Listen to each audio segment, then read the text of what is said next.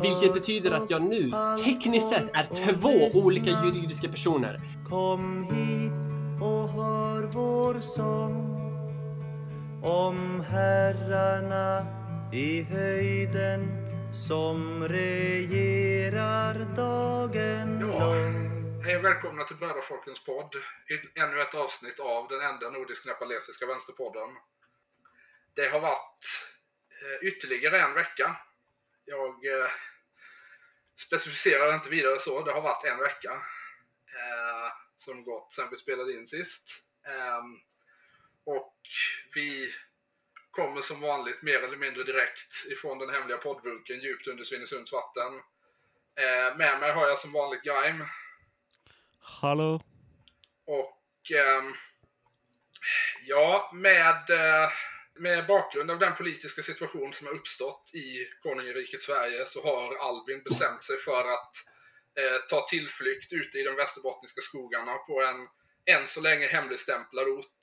Där han för, eh, just nu håller på att göra de, just, de eh, inledande förberedelserna inför det utdragna folkkrig som väntar.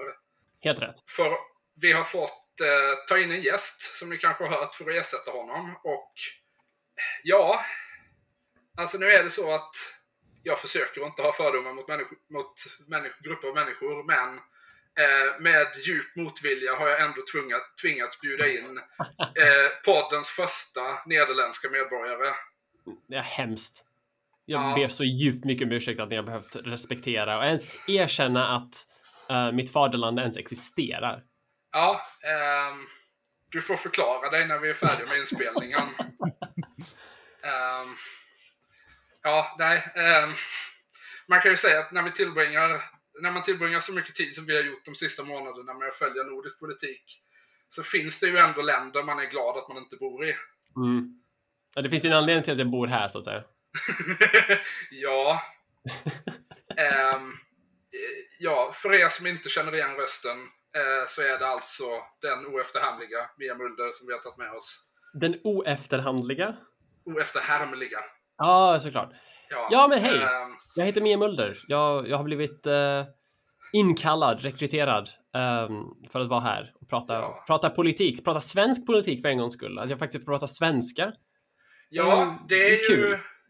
Det är ju ovant för mig att höra, om inte annat. Ja, det, det är så här.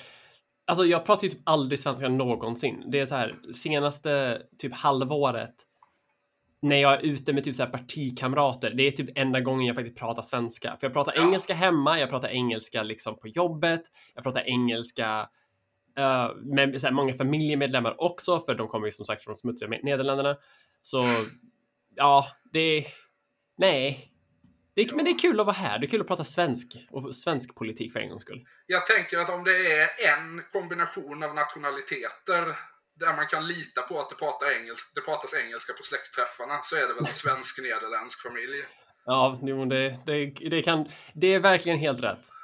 Alla, eller ja, i och för sig, alla pratar nederländska tills jag dyker upp och då, ja, just det. då, då blir det så här, ja, hon kan inte, hon vet inte hur man gör. Mm, tack. Ja, men då har, du, då har du en punkt till din fördel, för det låter ju som att du trots allt inte pratar språket. Nej, det gör jag inte, det är sant. Ehm, trots hela familjens förmodan. Ja, Men ehm, eh, ja, men ska, jag- ska jag presentera mig lite snabbt kanske? Vem jag är för de som inte vet. ja, det kan du väl kanske göra, för jag vet ju inte hur många det är av dina liksom hängivna följeslagare som faktiskt pratar svenska. Alltså senast jag kollade i mina analytics så var det typ, så här, typ 2% eller någonting. Så det är, Ja, det är tyvärr inte jättemånga. Det är mest jänkare. det- Ja, men till, alltså till skillnad från oss så har du inte ens gjort försöket att bli profet i ditt eget hemland. Nej, precis. Jag, bara, jag gav upp innan jag ens började. Ja, Nej, men som sagt, jag heter Mia. Mulder. Jag heter Mia Mulder. Jag, jag har en YouTube-kanal där jag pratar typ så här historia, filosofi, politik.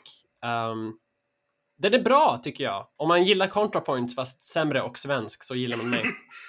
ja, men som vi har konstaterat, inte för svensk. Inte för svensk precis. Lagom, lagom svensk. Ja, Lite, lite grann sådär. eh, nej, men eh, Så att om jag har dålig accent eller dialekt då är det också därför. För pappa från Nederländerna, mamma från Småland. Så det är ett mirakel att jag ens kan prata svenska ens. ja. Eh, jag har ju misstagits under den tiden jag bodde i Malmö så misstogs jag ganska ofta för att vara smålänning. Jag är Eh, så, jag är så djupt ledsen att det har hänt. ja, eh, ja, inklusive av eh, den kursansvariga läraren på mitt kandidatprogram när jag hade känt honom i så, så, sådär fyra år.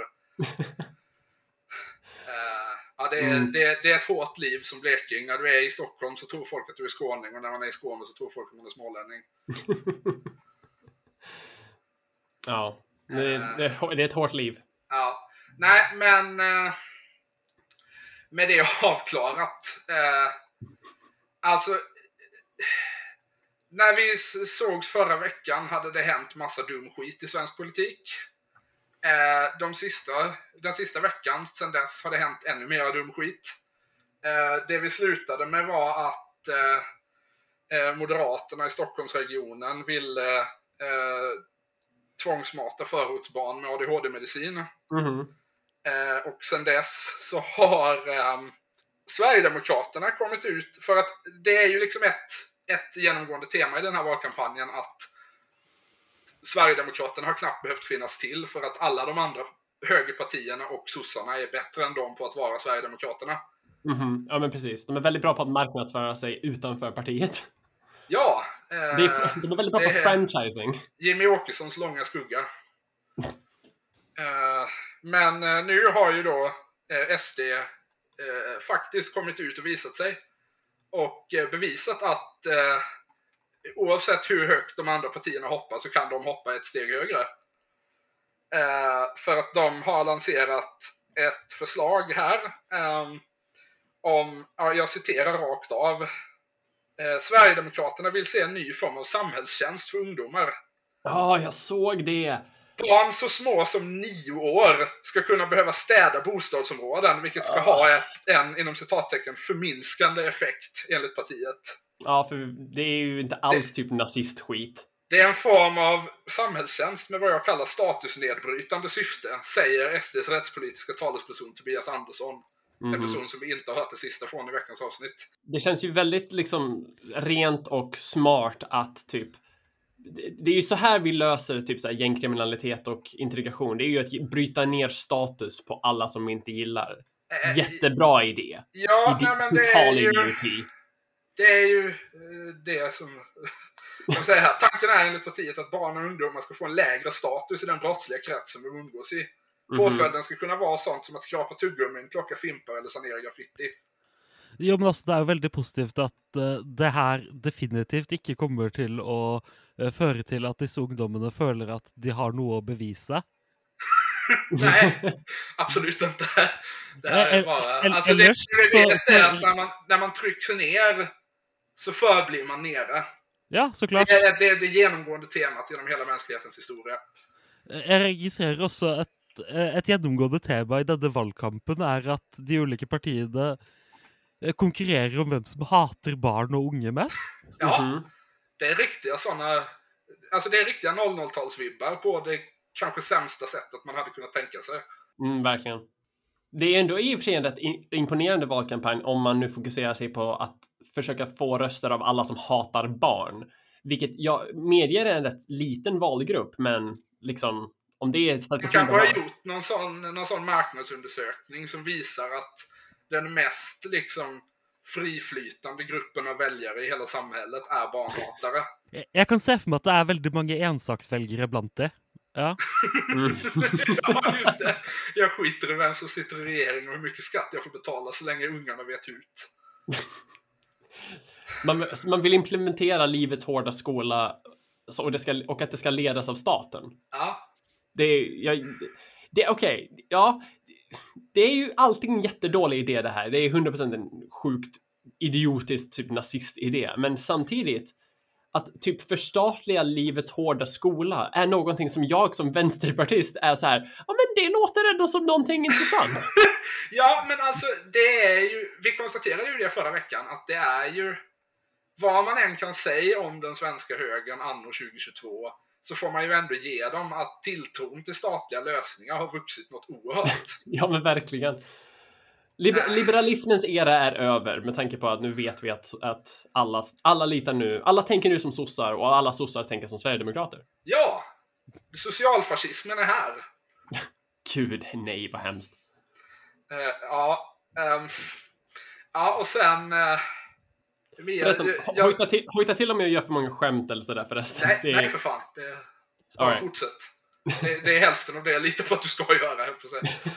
Eh, nej, men... eh, ja, eh, de har ju också... Jag vet inte om ni har tänkt på det här. Mia, du är ju... Jag ska inte kalla dig för i stockholmare, men du bor i Stockholmsregionen. Ja, Till tyvärr. skillnad från oss som gör den här podden. Men jag vet inte om du har reflekterat över det här tidigare att Sverigedemokraterna är av någon anledning extremt förtjusta av att göra eh, de mest, liksom, den mest cringiga reklamen man kan tänka sig på prominenta platser i Stockholm. Mhm. Ja men gud verkligen. Tänker vi på uh, tunnelbanetåget nu eller? Ja, det är ju det senaste exemplet. Ja, Eh, det men som är det redan- mest töntiga tåget jag någonsin sett i hela mitt liv. På tal om ingenting. Ja, eh, för att jag, eh, jag tänkte ju fråga dig efterhand eh, om du har sett det här tåget i verkligheten. Tyvärr har jag inte det. Jag har typ velat nej. se det för att typ håna det, men jag har typ inte sett det. Ja, Jag tror poängen är väl att de typ, de har väl bara typ klätt ett tåg Ja. i de här SD-grejerna så att alla ska göra typ outrage marketing. Och det funkar ju rätt okej. Ja, Men s- men det, är det ju- det, de, alltså det är väl det som egentligen är anledningen till att de gillar att göra väldigt uppseendeväckande reklam just i Stockholm. Ja, spara de mycket litar på pengar. att där kommer folk reagera. Mm. Det, det är lite trumpianskt på det sättet att det känns som att de, de vill typ trigger Stockholms-libsen. Ja, så att, så att alltså, alla jag andra tycker som jag hatar tycker Stockholm egentligen typ jag inte. saknar att de... Jag tycker det är lite synd att de inte gör den här formen av gigantiska stunts i centrum av Sölvesborg. Alltså det hade ju varit lite Jag mer... tycker det typ hade varit underhållande. Eh, nu vet jag inte om de jag känner som är aktiva sossar i Sölvesborg skulle hålla med. Men jag tänker att det skulle funka liksom så här. De, för de marknadsför ju sig inte i Stockholm för att de vill typ konvertera stockholmare. Det är ju bara för att de vill Alltså, nej, det vet de väl hatar- dödfött. Precis. Så det hade ju varit lite roligare om det var typ lokalt. Det är ju ett tum vi får ge stockholmarna. Att de, ja, säga vad man vill om dem, men de röstar i något lägre utsträckning på SD. det, det är ju, det är ju tack, tack för det antar jag. I och för sig så röstar ju typ alla på typ Liberalerna. Jag har tröttnat så mycket på att se typ alla deras jävla valaffischer typ överallt. Verkligen. Ja, alltså man tror att de är på väg att dö ut, men de är jävligt bra på att affischera. Ja. Men det är väl för att de anställer någon jävla gigfirma för att göra det åt dem. Förmodligen. Eh, ja, men, ja, men det var ju så att redan, redan 2015 så tog ju Sverigedemokraterna ut reklamplats på eh, en av rulltrapporna på Östermalmstorgs tunnelbanestation. Mm. Eh, där de skrev ett långt meddelande på engelska som riktar sig till turister. Eh, där de ber om ursäkt för vilken röra det är i Stockholm och hur många tiggare det är på gatorna. Jag kommer ihåg det. Det var typ en, det var, det blev en jättestor typ halvskandal kring det för att alla... Ja, och så skulle folk- avslutade de med Ja. frasen “Welcome back to a better Sweden in 2018” vilket är helt ogrammatiskt på engelska. Eh, men alltså jag misstänker att eh, med det, med tanke på vad de är ute efter som vi har konstaterat med att sätta upp den sortens affischer så tror jag att dålig engelsk grammatik är nästan en fördel. Ja, men För verkligen. det ser till att den här sortens semiprofessionella retweetare bara blir ännu, ännu argare. De är väldigt bra på att typ inrikta sig till folk som dels pratar svengelska men också dels ehm, är väldigt, som sagt som du säger, aktiva på Twitter. Ja, Jag und- ja, Ja, och sen var det någonting när de, eh, ja de satte upp någon affisch också, vilket jag tror var på någon station på gröna linjen. Åtminstone de bilderna jag har sett. Där de säger någonting om att det här är inte första gången sossarna hjälper Tyskland ta över Europa. men gud.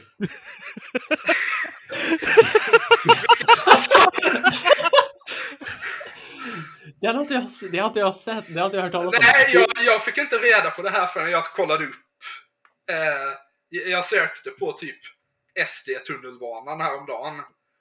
Eh, jag tror det gick lite obemärkt förbi, men det, alltså... Säga vad man vill, men det är ju oerhört stark hållning. Det är, alltså det är, det är, deras meme game är väldigt starkt. Tyvärr. Ja, Det är, åh, här, jag om ser det här, hade kunnat vara annorlunda. här, jag ser den, herregud. Det här, åh, det är det töntigaste som jag sett någonsin. Ja, alltså, Över fem jävla reklampaneler. Vad är din åsikt som utbildad historiker kring detta? Alltså att säga, att säga att sossarna hjälper Tyskland ta över Europa ger ju typ infallet av att de typ byggde stridsvagnar och att... Alltså jag... Jag får ju typ... Ja, ehm, och sen är det ju spännande att de liksom... Ja, nu är ju jag liksom någon form av sån in i ryggmärgen, om en, alltså omvänd men kulturell sosse. Så jag vill ju liksom ta det i försvar. Men Mm. ehm, jag, eh, jag tycker ändå att det är lite, lite ogint att hävda att, att sossarna ensamma stod för eftergiftspolitiken mot Tyskland under andra världskriget. Ja, men alltså det är ju lite... Med tanke på liksom hur många ledande figurer inom dåvarande högerpartiet som typ öppet sa att Hitler var cool. Ja, men alltså det är ju så jag tänker. De har ju tur med att de typ bildades på 90-talet. För att hade de existerat på 40-talet då hade de ju, Ja, då hade de ju varit en ju- del av typ Waffen-SS. Ja, och det är ju ännu mer tur i sammanhanget att det inte finns någonting som, som går att på något sätt dra, dra kopplingar mellan deras grundande på 90-talet och de ursprungliga nazisterna. Det Om det hade varit så hade, det- hade det ju varit illa. Då, då, då hade de ju aldrig kommit in i riksdagen om det hade fungerat på det sättet. Nej, men precis. Det är ju total hyckleri också. Det skulle aldrig svenskar rösta på. Aldrig någonsin. Jag, gill, jag gillar dock texten lite grann för att det ger mig intrycket av Stefan Löfven som typ sitter och kör en typ Tiger 2 stridsvagn. Eh, Ja, vilket, alltså- vilket är en bild jag vill se i riktiga livet. ja, men alltså vet vi vad han håller på med nu för tiden? det. Han är, ju, han är ju trots allt från Ångermanland, så han kanske är på Hägglunds nu. Han är, han är modesupporter. Ja, men Jag hade- eh, alltså för er som inte, som inte hänger med i svenska nyheter eller inte är så Twitterförgiftade som vi tre är. Gud ja. Det här, eh, det här tunnelbanetåget. Vi, eh, vi nämnde ju i det sista gästavsnittet, när vi hade Håkan här och pratade om Stockholms politik, så nämnde vi ju att eh, SL har försökt bli, eller Region Stockholm har försökt få SL att bli mer ekonomiskt självgående. Ja. Och då är tydligen ett led i det här att de har börjat, eh, precis som amerikanska kollektivtrafikbolag brukar göra med bussar, så har de tydligen nu eh, valt att öppna för att ja, företag och i det här fallet då politiska partier ska få köpa rätten att måla om utsidan på hela tunnelbanetåg. Mm.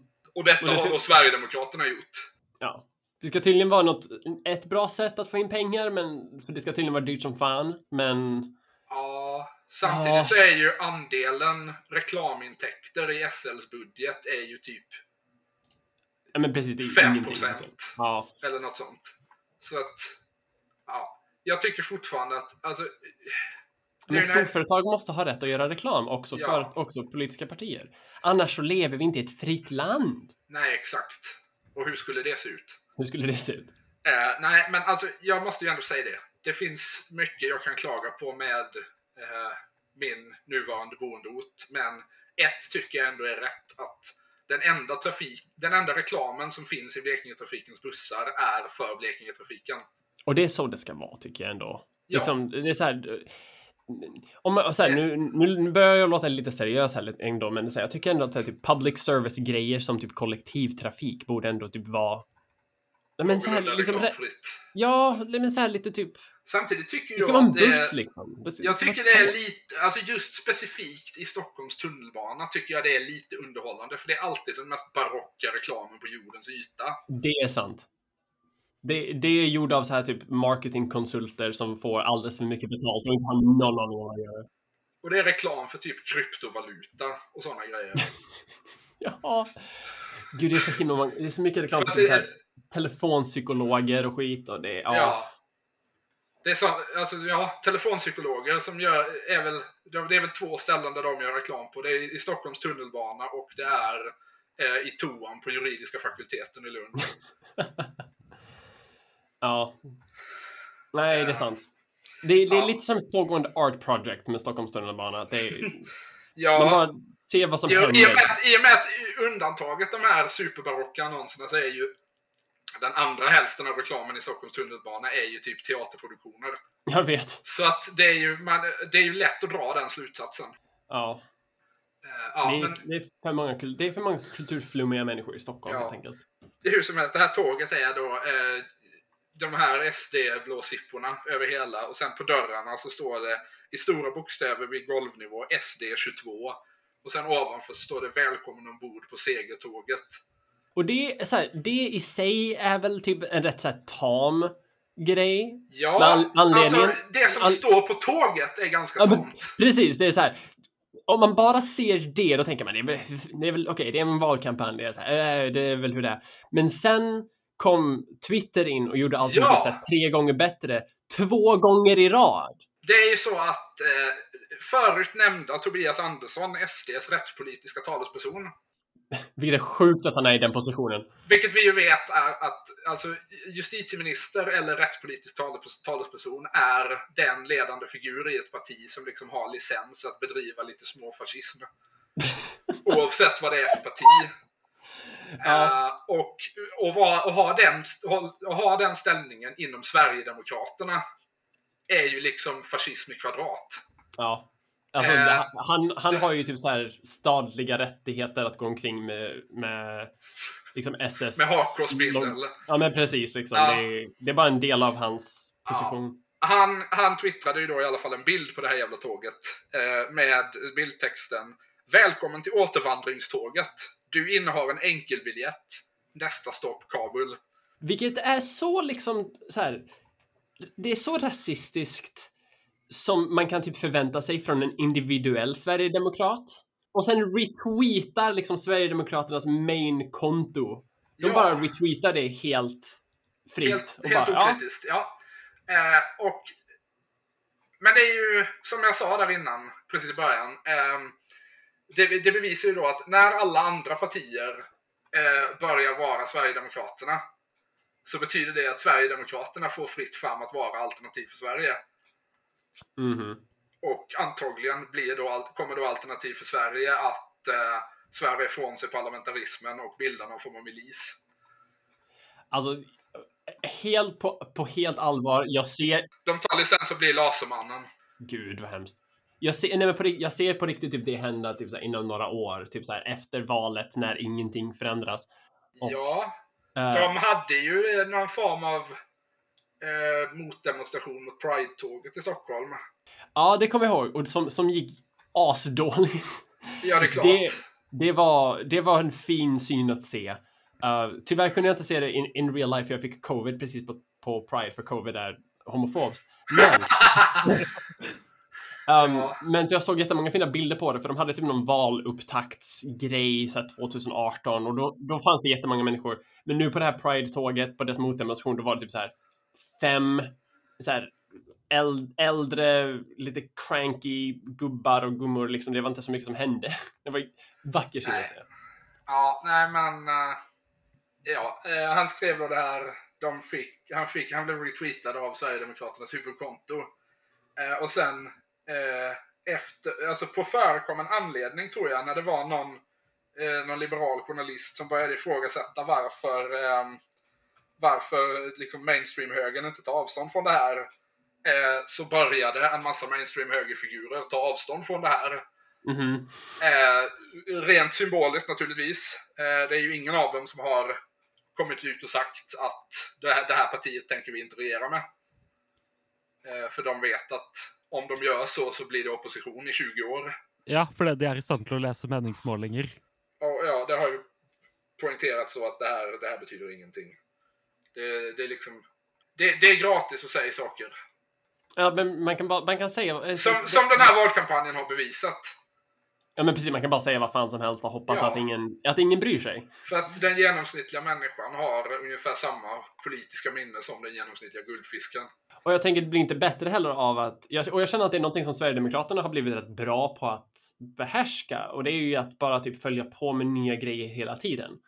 Så Ja, liksom, man, man kan ju inte fokusera på en enskild, en enskild här, instans av rasism eller vad fan det nu handlar om. För att det kommer hända typ så här, fyra till instanser av rasism. Eh, dels av det egna partiet men också av typ så här, Kristdemokraterna för att de vill ha- vara med och ha kul. Och efter ett tag så liksom, det blir bara liksom en sörja. ja. Och ja, man kan liksom inte hänga med längre. Ett positivt har ändå kommit av det här. Eh, för det är nämligen så att den enda, den enda gruppen vars åsikt om det här kan både vara korrekt och spela roll har nämligen tagit ton. Eh, jag läser här ifrån eh, Seko-tidningen eh, en artikel med rubriken Förare rasar mot SD-reklam på tunnelbanetåg. Fint. det, är en säkerhetsrisk att SD gör reklam för partiet på ett helt tåg, menar facket i Stockholms tunnelbana. Ja, det finns en oro till att det uppstår konflikter och fysiska konfrontationer mellan anhängare och motståndare till SD i tunnelbanan. Jannis Konstantis, som är ordförande på eh, CK-klubben i tunnelbanan, vill att det ska vara förbjudet för SD och andra partier att beklä hela tåg med partireklam. Mm. Det är första gången som hela tåget, både inåt och utåt, har partipolitisk reklam. Förut var det bara några affischer inne i tåget. Förare mår dåligt av att göra reklam på hela tåget för SD. Det är en sak med affischer inne i tåget, säger han. Klubben kräver att arbetsgivaren MTR gör en riskbedömning nu. Om politisk reklam bedöms äventyra säkerheten för resenärer eller personal i SL-trafiken kan SL efter samråd med polisen säga nej till reklamen. Så att det här ligger då eh, på den, de ständiga antifascistiska förkämparna i den svenska polismyndigheten. Eh, Då, vi, vi, då är vi säkra. Vi hade aldrig någonting att oro, Ja. oroa oss om. vi kan andas ut.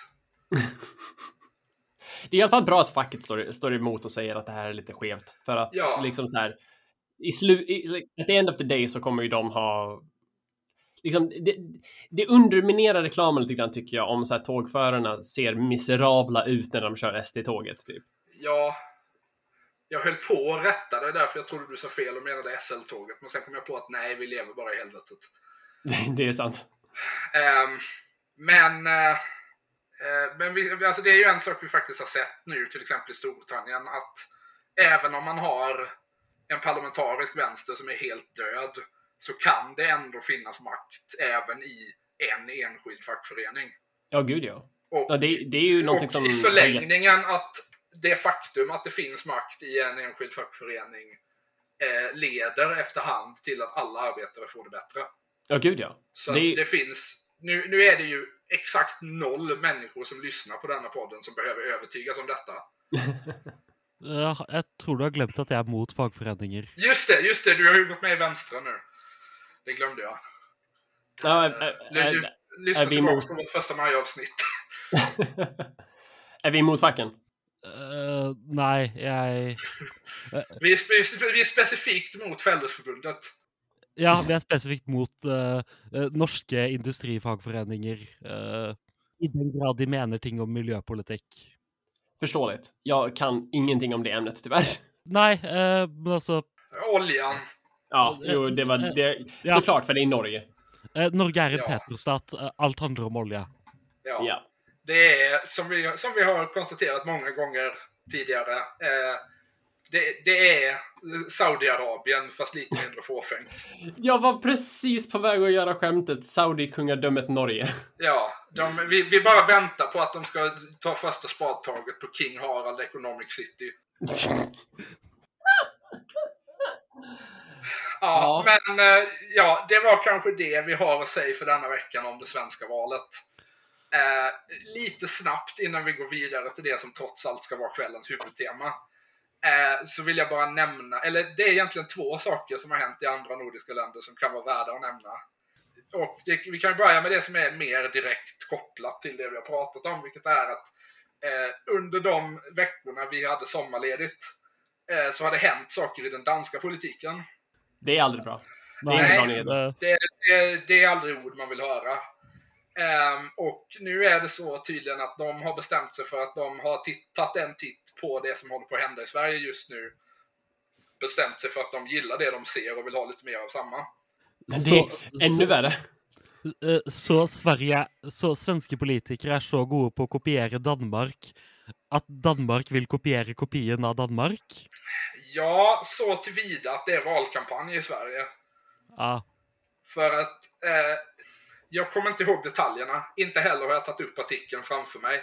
Men eh, det har varit någon form av regeringskris nu under juli månad. Vilket jag tror har sin grund i, jag vet inte om ni kommer ihåg, men det här beslutet de tog vid höjden av coronapandemin att eh, summariskt avrätta sam- hela Danmarks befolkning av mink. Ja. Kommer trodde du skulle si hele Danmarks befolkning, og det Jeg, jeg var, Nei. var, var, var litt overrasket over at jeg ikke hadde fått med meg det. Nej, men eh, ja, eh, radikal vänstre, alltså det parti som... Alltså, i sin nutida roll i dansk politik motsvarar de väl typ den svenska Centern. Rötterna är ju lite annorlunda. Men det är ungefär den rollen de har. Det är ett, ett liberalt parti som trots allt ändå hör till någon form av mitten-vänsterblock och stödjer den nuvarande regeringen.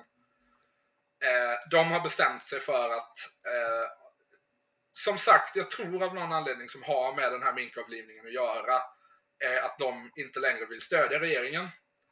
Eh, och har sagt att om inte eh, statsministern eh, Mette Fredriksen utlöser ett nyval eh, till ett datum för, eh, före den 4 oktober eh, så kommer de att eh, lägga misstroendeförklaring.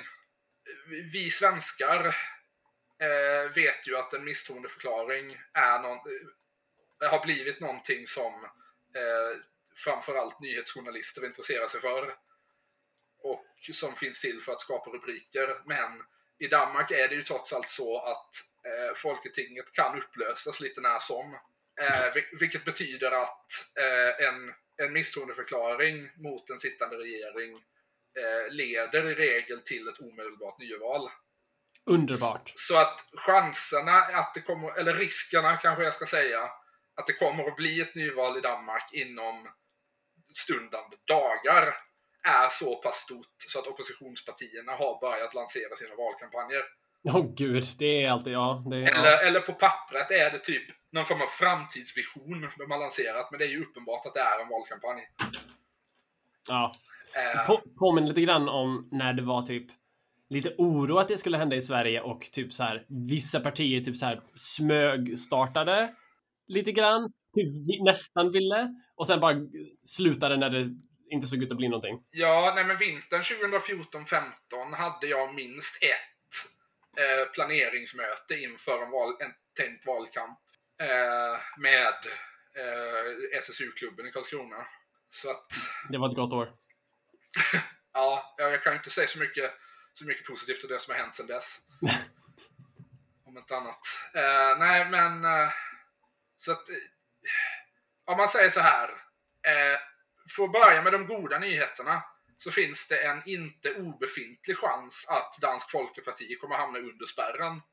Nice. Vilket, efter, med tanke på att spärren i Danmark är 2% är ganska slående. Det är rätt imponerande, ja. Ja, Eh, Ja, eh, men eh, vi- vilket, vil, vilka andra partier är det som tar de ja för att sätena? Jag räknar med att det är värre. det här för mig till de dåliga nyheterna. Eh, kommer ni ihåg Inger Stöjberg? Uheldigvis, ja. eh, deras, vad var hon, migrationsminister. Eh, som blev, eh, som blev dragt, satt inför riksrätt av Folketinget för att hon hade olagligt eh, beordrat gränspolisen att ta barn från sina föräldrar. Eh, hon har startat ett eget parti. Som nu har typ så här 70% av rösterna antar jag. Eh, de ligger mellan 10 och 12. Men gud. Eh, det här partiet har det oerhört kreativa namnet Danmarksdemokraterna. Åh, Åh, nej. Jag vill understryka att jag hittar på ingenting av det jag säger. Allting detta är på riktigt. Det här låter... Fan, det, här kommer ju bara... Jag blir typ lite skamsen för våra liksom, skandinaviska... ja, och sen i, bröder. i och med att det då finns den här högerutbrytningen från vänstre, vilket det väl är, även om de flesta av de folketingsmedlemmar som har gått över och eh, de flesta av deras kandidater som de har meddelat än så länge är eh, före detta medlemmar av Dansk Folkeparti. Eh, men de, eh, alltså hon var ju med i Vänstre. Så att det får väl räknas som en utbrytning från dem till höger. Och sen har ju Mm. dessutom den gamla statsministern Lars Løkke Rasmussen startat ett eget parti som väl får räknas som någon form av mittenutbrytning. Eh, som har det precis lika kreativa namnet Moderaterna. Så det är verkligen bara sämre Sverige all over again. ja. Eh, men i och med att detta händer så har Vänstre tappat typ hälften av sitt väljarstöd från förra valet. Eh, vilket betyder att det troligtvis största partiet, eh, det, största, det troligtvis största högerpartiet, eh, om det blir val nu under hösten, kommer att bli konservative Folkeparti. Vilket är eh, i, i grund och botten Danmarks version av Moderaterna. Det är det gamla danska Höyre som bytte namn. Och de, det var de som, av, som eh, visade upp den här framtidsvisionen. Och i den så står det bland annat att de vill avskaffa företagsskatt. Helt och Eh, hållet? Ja, Jajamän.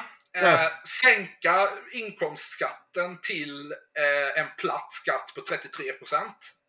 Eh, där- den här siffran 33 procent låter kanske inte så oroväckande som man kan tänka sig, men det är värt att komma ihåg att Danmark har ingen arbetsgivaravgift.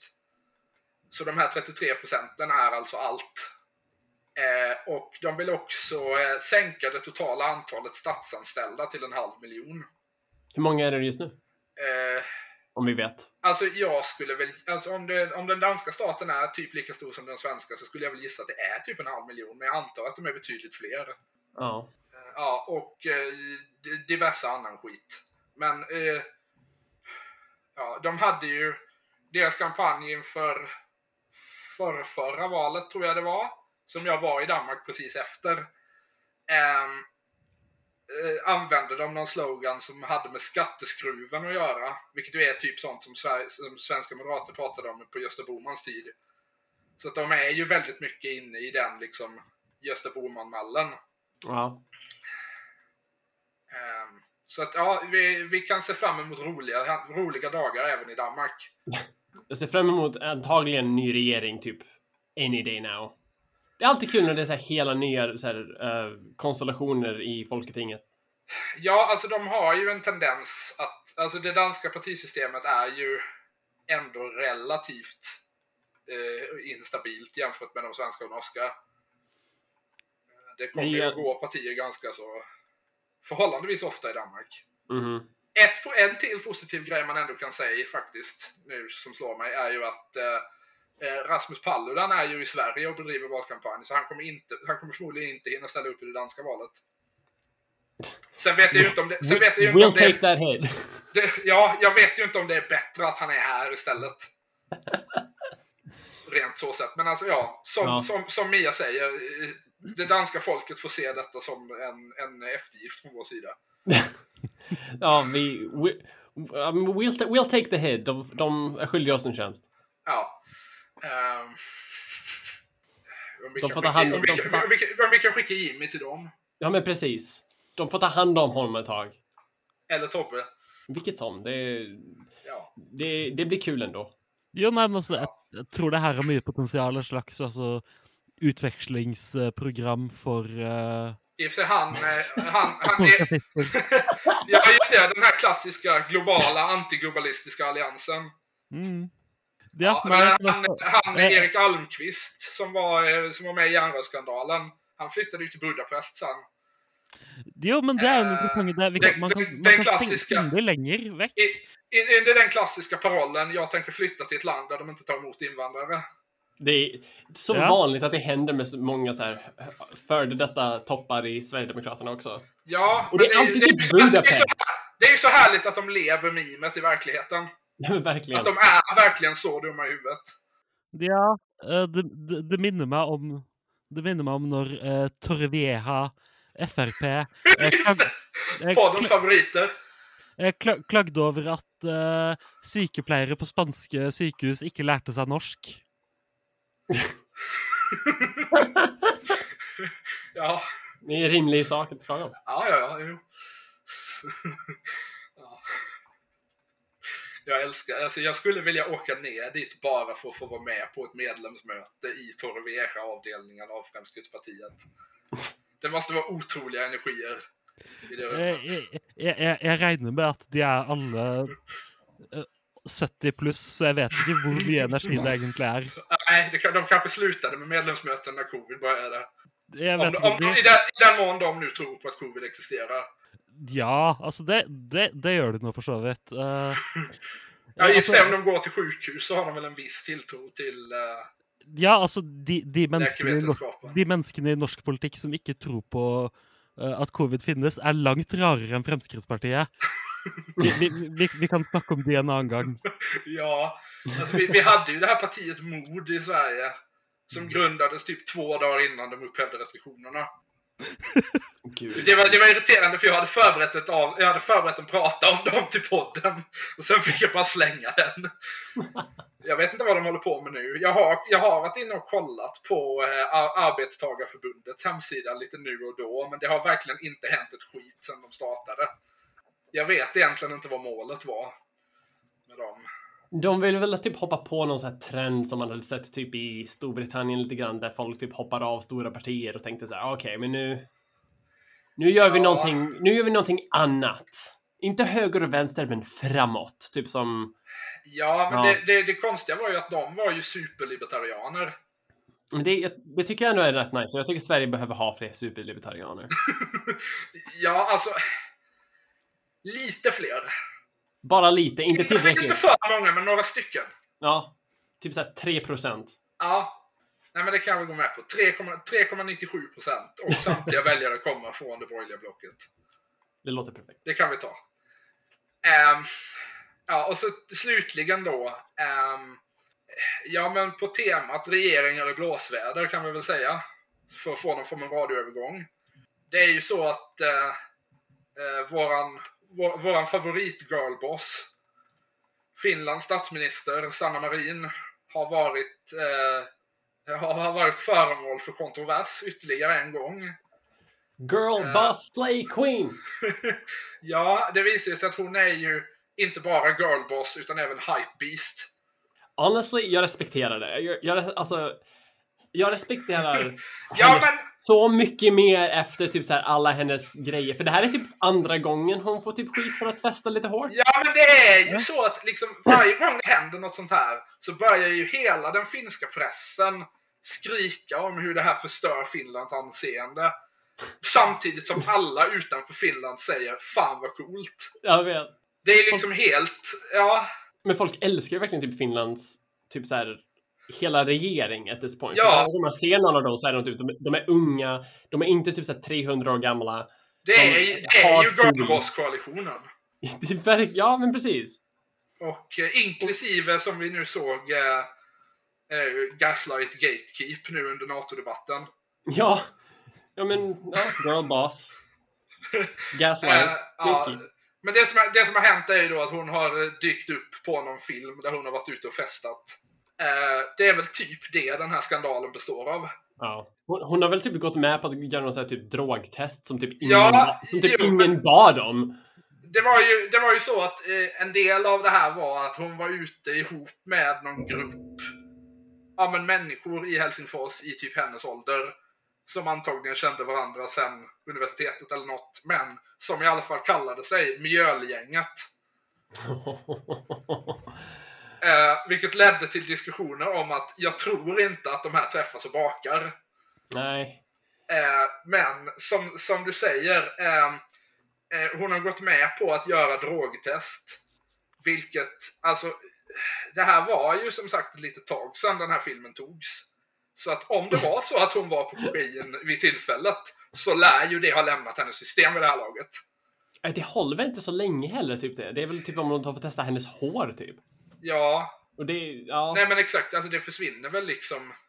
Ja, Ja. men alltså, man bajsar väl ut det i princip. Nu vill jag i och för sig drogtesta typ alla heads of state i Skandinavien. för jag garanterar att Magdalena Andersson eh, gör någon sorts kokain också.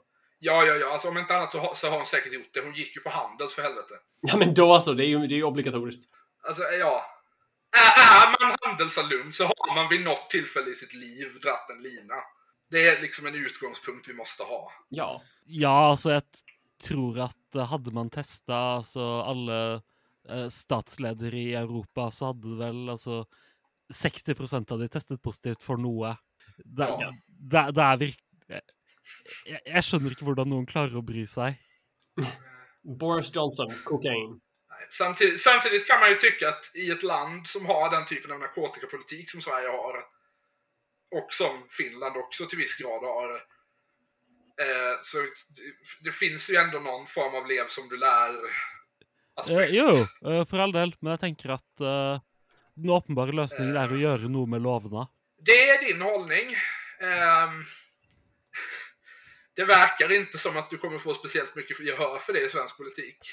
Tyvärr. Eh, Eh, på gott och Nej. ont. Nej. Men eh, Det är väl typ här som jag som ensam vänsterpartist är typ så här väldigt drogliberal.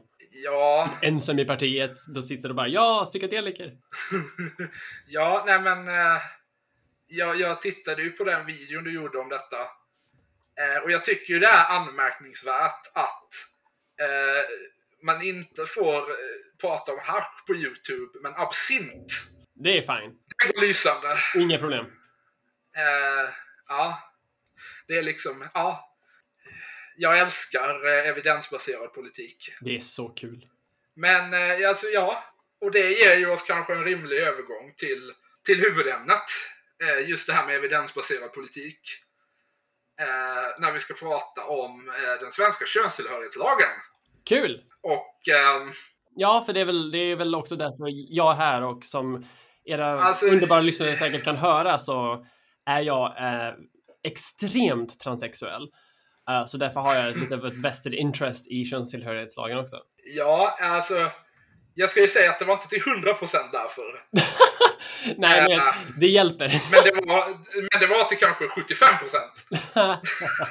Ja, nej men skämt åsido. Um, ja, alltså jag tänker att vi kan ju börja med en eh, lite förrädiskt enkel fråga. Som jag tänker att vi kan utveckla sen efterhand. Ehm, om du får ge din egen personliga definition här som enskild eh, transperson. Vad innebär det här begreppet? Eh, Att vara, att vara trans? Eh, att vara trans är, ja men så här översimplistiskt är väl sätt att, att, att identifiera sig med och leva som en könsidentitet som man inte blev liksom tillskriven när man föddes. Så ehm, om, om liksom när man föddes och eh, läkaren och Gud och dina föräldrar alla liksom såg en penis och så uppfostrar man det här ungen som eh, som en man eh, och ger Just den... när, när prästen, dina manliga släktingar och en stor del av hovet deltog vid din födsel. Precis. Um, ser de en penis, då kommer de ge dig eh, ett visst typ av emo- emotionellt trauma som är att du Ja, inte kan uttrycka och, dina eh, känslor. Och då är tronen säkrad. Precis. Uh, ser de inte en penis så kommer de ge dig andra sorter av emotionellt trauma. Um, och det är vad vi kallar för kön. Ja, Typ. Li- lite skämtsamt, men det är väl typ så att eh, jag personligen, du vet, le- levde som eh, kille och man upp till 18 års ålder och har sedan dess levt som, som kvinna. Trots rösten, YouTube-kommentarer. ja. Eh, Jag är lite för bekväm med skämten jag gör här, jag ber om ursäkt. ja, nej men alltså en sak jag har märkt sen jag började eh, konsumera media skapad av transpersoner är att jag verkligen är fullständigt oförmögen att urskilja vad som är en inom citattecken manlig respektive kvinnlig röst. det, det, är, det är den hemliga så här, esoteriska ehm, kunskapen som man lär sig så här, efter några år av att ha levt som transperson och det är att typ all, allting som är könsrelaterat är bullshit. För jag har, Ja. alltså, man, man kan träffa typ så här kvinnor som är födda som kvinnor, lever som kvinnor, har levt hela sitt liv som kvinnor som typ alltid blir uppfattade för att vara män och som typ så här blir Ja. felkönade konstant trots att de Ja inte men exakt, är alltså det finns ju liksom en lång, en lång, eh, både liksom, både liksom litterär och humoristisk eh, historia av att prata om liksom pojkflickor som man sa och eh, manhaftiga kvinnor och så vidare. Och eh, alltså det var ju innan vi kom underfund med att transpersoner var något som existerade, men det här, samtidigt var ju inte det här transpersoner. Nej men precis. Så um, det, det är också därför jag typ så här har en, det, det är också därför definitionen är lite luddig också. Att det är så här, man identifierar sig som ett kön som, eh, som är annorlunda än det man blir tilldelad i födseln. För um, när, det, när man kollar så här hur det ser ut i praktiken, då är det verkligen så här, det, det är så enormt varierat och unikt att det, det går liksom inte att så här, konkretisera ner till någonting exakt. Tyvärr. Ja, nej men alltså djupt nere i våra själars själ är vi alla icke-binära. Ja, det, det, det kan jag nog hålla med om på något sätt. Men sen så har vi, Eh. du vet, intressen och åsikter och Ja, fysiska kroppar. socialisering. Precis, och det är, det är, människor är så komplexa verkligen så att det, det slutar ja, slutligen upp med att vi, vi dels får liksom ett kön som vi lär oss socialt, vi har dels liksom ett kön som vi har liksom biologiskt, sen har vi dels det som vi liksom känner inom oss. Um, Ja, Ja, och det är väl... Och att vara trans då är att liksom kunna veta vad man vill själv och liksom bestämma sig att gå den vägen. Ja, nej, men det är ju lite, li, lite, lite Platons grotta. Lite grann så. Ja, och eh, nej men alltså nu när vi har fått din definition då så tänkte jag att vi kan övergå till eh, vad är en transperson enligt svenska staten? En transperson enligt svenska staten är väl en i, nu, i nuläggande läge är väl typ en som har blivit lagligt klassificerad av ett gäng byråkrater och några lärare. Ja, alltså man ska ju, man ska ju, eh, man ska ju, eh, vad ska man säga, villkora det här lite genom att säga att eh, precis som staten inte reglerar vem som är homosexuell, utan bara vad homosexuella har för juridiska rättigheter, Mhm. eh, så reglerar ju inte staten vem som är trans. Utan det staten reglerar är vem som eh, vem som kan bli juridiskt erkänd som det kön de identifierar sig och lever som. Ja, det är, det är helt rätt. Och det här regleras ju då i Sverige av en, en lag som heter könstillhörighetslagen och som eh, kom, vad var det, 73? 72. 72, okej. Ja, det är i alla fall en av världens äldsta sådana Mhm. som fortfarande är eh, i kraft. Det är världens första till och med. Ja, eh, och det här, eh, den här lagen stiftades ju i samband med en lång och djupgående reform av det svenska rättssystemet. Eh, som jag faktiskt skrev min kandidatuppsats om. Inte om just könstillhörighetslagen, men om eh, sexualbrottsutredningen som kom ungefär samtidigt. Oh, Ehm, kul! och, eh, det här var ju då eh, det, det sågs ju då som en del i liksom en liberalisering att nu ska man få vara, om man känner sig som en kvinna så ska man få vara det. Eh, samtidigt så satte de eh, ett par villkor på detta. Eh, Ja. Bland annat då, ironiskt nog, i och med att det här var, åtminstone som det står i historieböckerna, samma reformprocess som ledde till att vi avskaffade tvångssterilisering i Sverige vet! Ja. så var, ju, så var ju ett av villkoren för att man ska få bli juridiskt erkänd som sitt upplevda kön att man steriliserar sig. ja. Eller rättare sagt så var villkoret inte bara att man steriliserar sig utan att ingen av ens arvsmassa fick existera. Ja, vilket är så, Så att- specifikt och liksom skevt. Så att om man, om man till exempel hade, hade sparat sin sperma och sen ville bli eh, erkänd som kvinna så var man tvungen att förstöra spermaprovet. Ja. Eh. Ol olagligt att bli förälder efter, efter könstillhörighetserkännandet. Eh, Ja. hvor, hvor, hvorfor, eh, hvorfor var det så altså, Alltså som jag? Var, var det bare fordi at det ville vært byråkratisk tungvint? i- som jag förstår det, ja. Ja. Eh, alltså du får rätta mig om jag har fel Mia, men som jag förstår det så var det för att man upplevde att det, att det skulle vara för krångligt om en person var far till en, till en och mor till en annan. Ja, det, det, det var huvudargumentet för det och det var det argumentet som liksom typ vann igenom ehm, i, i riksdagen tror jag. För det debatterades typ över en halvtimme och sen var det liksom klart. Ehm, Ja, men sen, det, det fanns ett till argument, men det var, inte lika, det var inte alls lika viktigt och det var, jag kommer inte ihåg vilket parti det var som lade fram det, men det var något parti som sa det här, att, att det, här, det här är en bra idé för att transpersoner är såklart mentalt sjuka i huvudet och kan inte vara bra föräldrar. Um, vilket, vilket, vilket sågs som typ så här, det var ju lite extremt, men vi ska ändå ha förslaget för att det är byråkratiskt krångligt.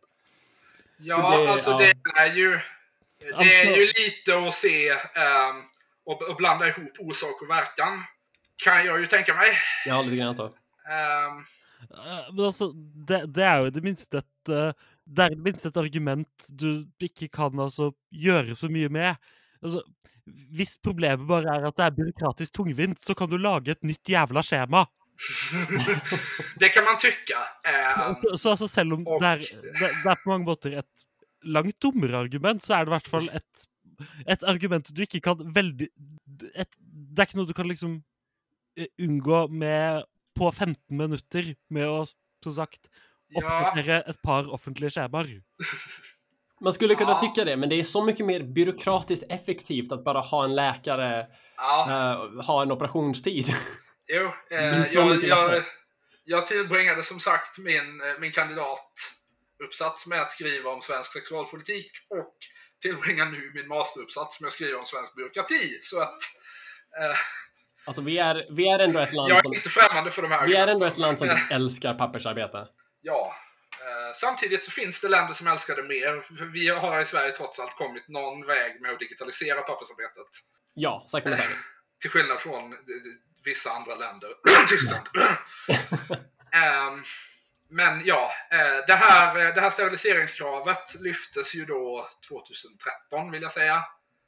Ja, slutet... Återigen, du, års- du, du är bättre på det här än vad jag är. Årsskiftet Förmodligen. 2012-2013 ja. Det, För det här är... eh, det här är inte någonting som har påverkat mig.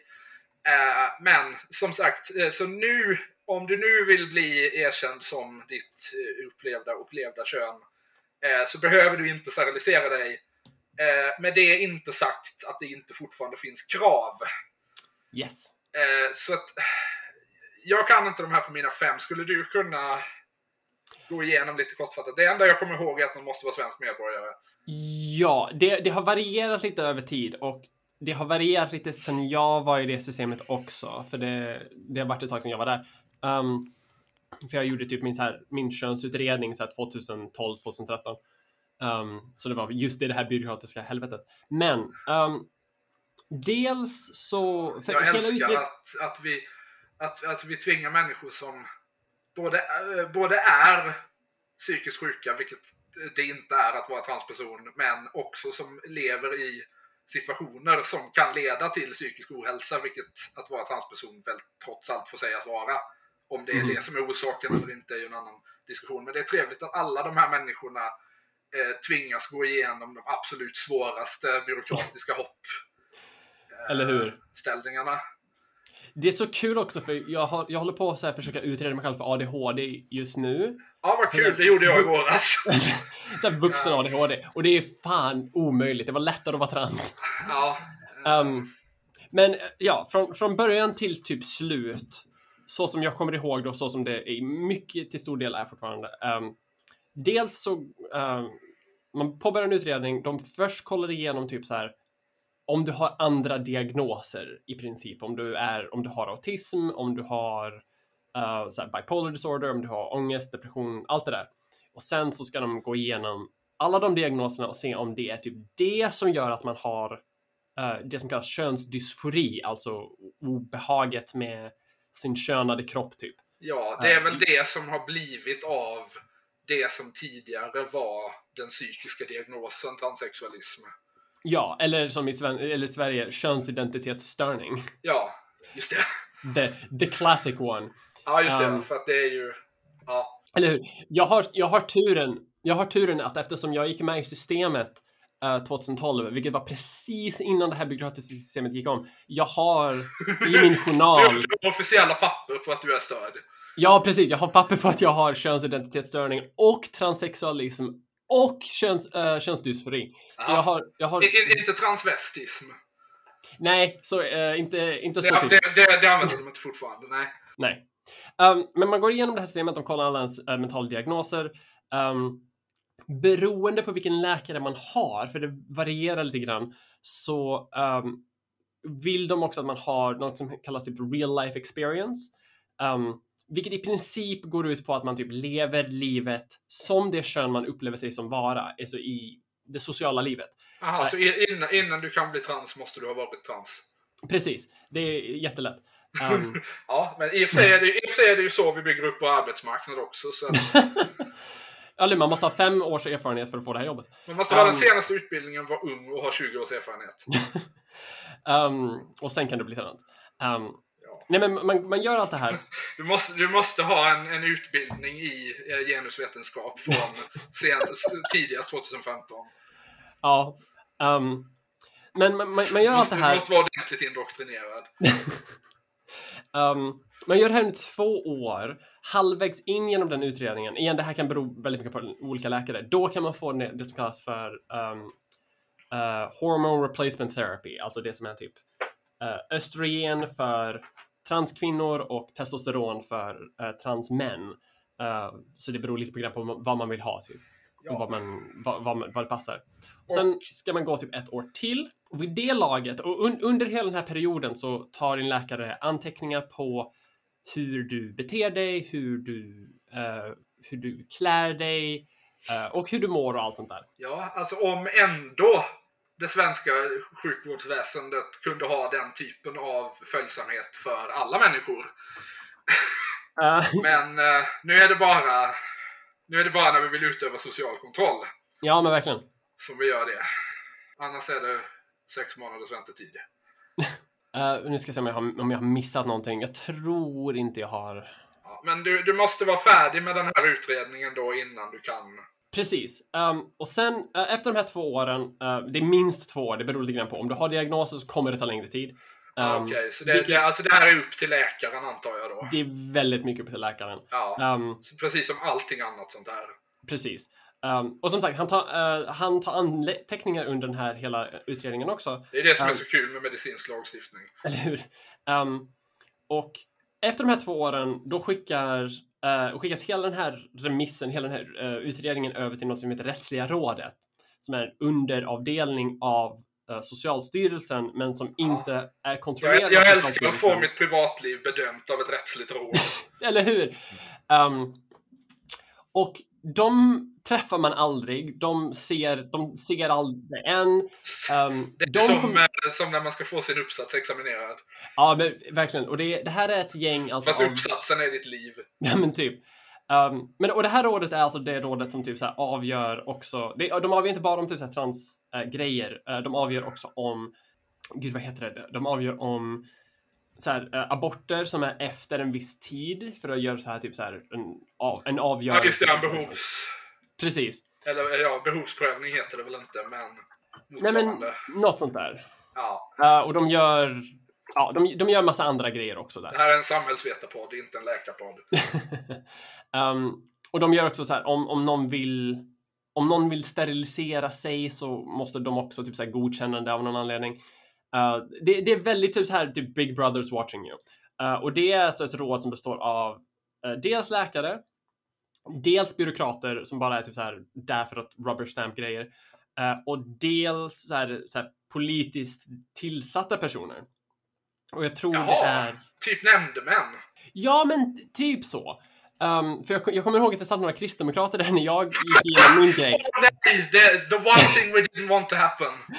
Och det- jag kände verkligen så här, så här hur, hur går det ihop? Det känns inte helt rätt. Ja, man får ju hoppa... Alltså, de har ju lagar de ska förhålla sig till samtidigt så...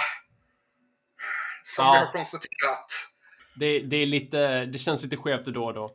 Ja, Men det, det är mest typ så här, det är mest läkare, det är kuratorer, um, uh, så någon psykolog här och där. men det är um, inte så att det ska vara någon domare med då, eller? Det ska vara För någon så sorts... är det väl i andra länder i alla fall, vet jag. Jag Att man tror måste att... ha ett domstolsbeslut. Precis. Jag, de, Fast det är kanske det det här rättsliga rådet ersätter i Sverige då. Det, det, det är, det, jag vet att domstolarna är med där, men jag vet inte om de är typ en, de, de är typ en liten egen domstol i sig självt. Som de, de behöver inte göra en egen domstolsgrej, men de har personer som är typ rådsmän och eh, Ja, okej. som kommer från typ hovrätten och sånt. De, de är liksom, det är de som utgör liksom kärnan av det rättsliga rådet. Ja, okej. Eh, de Det, är lite- det är lite blandat, Ja, men typ så. helt enkelt. Um, och det beror, beror lite grann på liksom frågan de kollar på. Um, men de går igenom hela din journal. De kollar typ så här på vilka diagnoser som du har fått och ehm, ja, men typ allt, allting som liksom allting som läkaren har skrivit ner. Um, och då kan man få avslag då, då, då för att du inte har varit typ så könsstereotypisk nog. Ah, Ehm, och då kan du gå tillbaka till läkaren och då måste utredningen fortsätta och då kan det fortsätta i allt ifrån typ någon månad extra bara för att så här, typ finslipa journalen som den är eller kanske typ börja om hela utredningen från början. så det tar två år till. Det kan göra det. Alltså det, jag har träffat folk som har varit i den här utredningen i typ åtta år. Um, vilket är Åh, vad kul! Jag kan inte, alltså, möj, med möjligt undantag för att vara arbetslös i åtta år så kan jag inte tänka mig något mer deprimerande än att vara i en psykiatrisk utredning i åtta år. Mhm. Ehm, så det är verkligen, det är verkligen coolt. Ehm, men kom ihåg att, att alltså, transpersoner mår dåligt för att de är trans och inte av någon annan anledning. Precis. Um, Och det är för för att... att det, de är det för att det är mot Gud.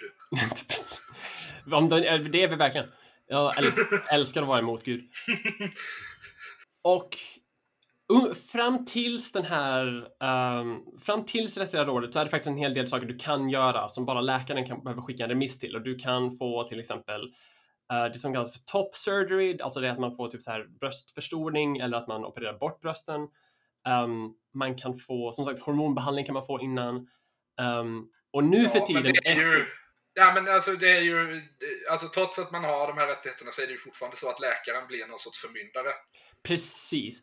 Um, efter då, men efter att man får det här, um, efter att rådet liksom godkänner ens könsidentitet, då får man byta personnummer och då kan man också ändra könsorgan. det Ja, kallas. för det här är ju ytterligare en aspekt på det här som jag, eh, alltså jag, eh, våra lyssnare skulle kunna veta det här. Grime vet det. Jag tror inte att du mer vet det, men jag är just nu på väg att utbilda mig till arkivarie. Kul! Eh, och för att det är ju så att i Sverige så har vi, alltså man tilldelas ett personnummer vid födseln som Mhm. i princip alla ens, framförallt alla offentliga handlingar som gäller en, men också typ bankinformation och sånt sorteras under. Ja, Och eh, det, här, det här personnumret är könskodat. mhm. Så att byter man kön så Eh. måste man få ett nytt personnummer. Ja, så att, för att alltså det går att se det, eller i teorin går det att se det på ens personnummer, att om man har om, man, om den näst sista siffran i personnumret, för att den sista siffran är en kontrollsiffra Mhm. som inte går att ändra, men om, om, man, om den näst sista siffran är ojämn så är man juridiskt sett man och är den jämn så är man kvinna. Återigen, i lagens ögon. Precis. Ehm, så att om man, är, om man då är transperson och får juridisk könskorrigering är väl det nuvarande begreppet. Gud, alltså jag har ingen aning om vad som är det, typ, det nya korrekta sättet att säga det. Jag tror det heter så, men Ja, i alla fall om man, får, om man blir tilldelad ett... Om, om man, om man, eh, om, ja, om man får ett nytt juridiskt kön eh, så behöver man också få ett nytt personnummer och då behöver man i de flesta fall eh, kontakta sitt lokala kommunarkiv för att eh, antingen få personnumret ändrat eller någon form av referens insatt. Mhm. Så att eh, arkivet och den offentliga förvaltningen då i förlängningen begriper att det rör sig om samma person. Precis. Och det är... Eh, och det här är ju då eh, eh, även ett problem för eh, den andra typen av transpersoner som vi eh, som jag har nämnt vid namn men som vi i övrigt inte har pratat om, det vill säga icke-binära Mhm. transpersoner. Precis. Folk som, folk, folk som inte upplever sig som vare sig man eller kvinna. Precis. Eh, som vi då för närvarande inte har någon form av provision för i det här systemet. Eller det, det finns ingen... Det finns inget lagligt sätt att gå, att gå runt det, vilket jag tycker är väldigt typ... vä- Väldigt gammalmodigt. För det, är- Ja, det är inte alltså- som att man har ett, här, ett M eller ett F i passet, utan det är verkligen så här, det, det är 100% ett typ social security number. Ja, Um, fast ännu mer. Precis, För att, alltså, det- i, i, alltså det här Social Security-numret är ju en myndighet som utfärdar. Medan Mhm. ett, ett, ett svenskt personnummer är ju typ mer, officie, mer officiellt än ditt namn. Precis. Det, det är ju, eller hur? Det, det är ju någonting som jag också upptäckte när jag bytte Det är ju liksom så mitt att... lagliga alltså, namn. Att det, det spelar, Ja. Ens lagliga namn är inte så viktigt. Det personnumret, that- that's the Ja. important thing. Ja, alltså du är ju, i, i, lagens ögon är du ju mer ditt personnummer än vad du är ditt namn. Mhm. Ehm, Um, ja, men, men som, en, som en del av allt det här då så, så är ju såklart, det finns ju kravet då att man ska typ vara feminin nog om man då är transkvinna.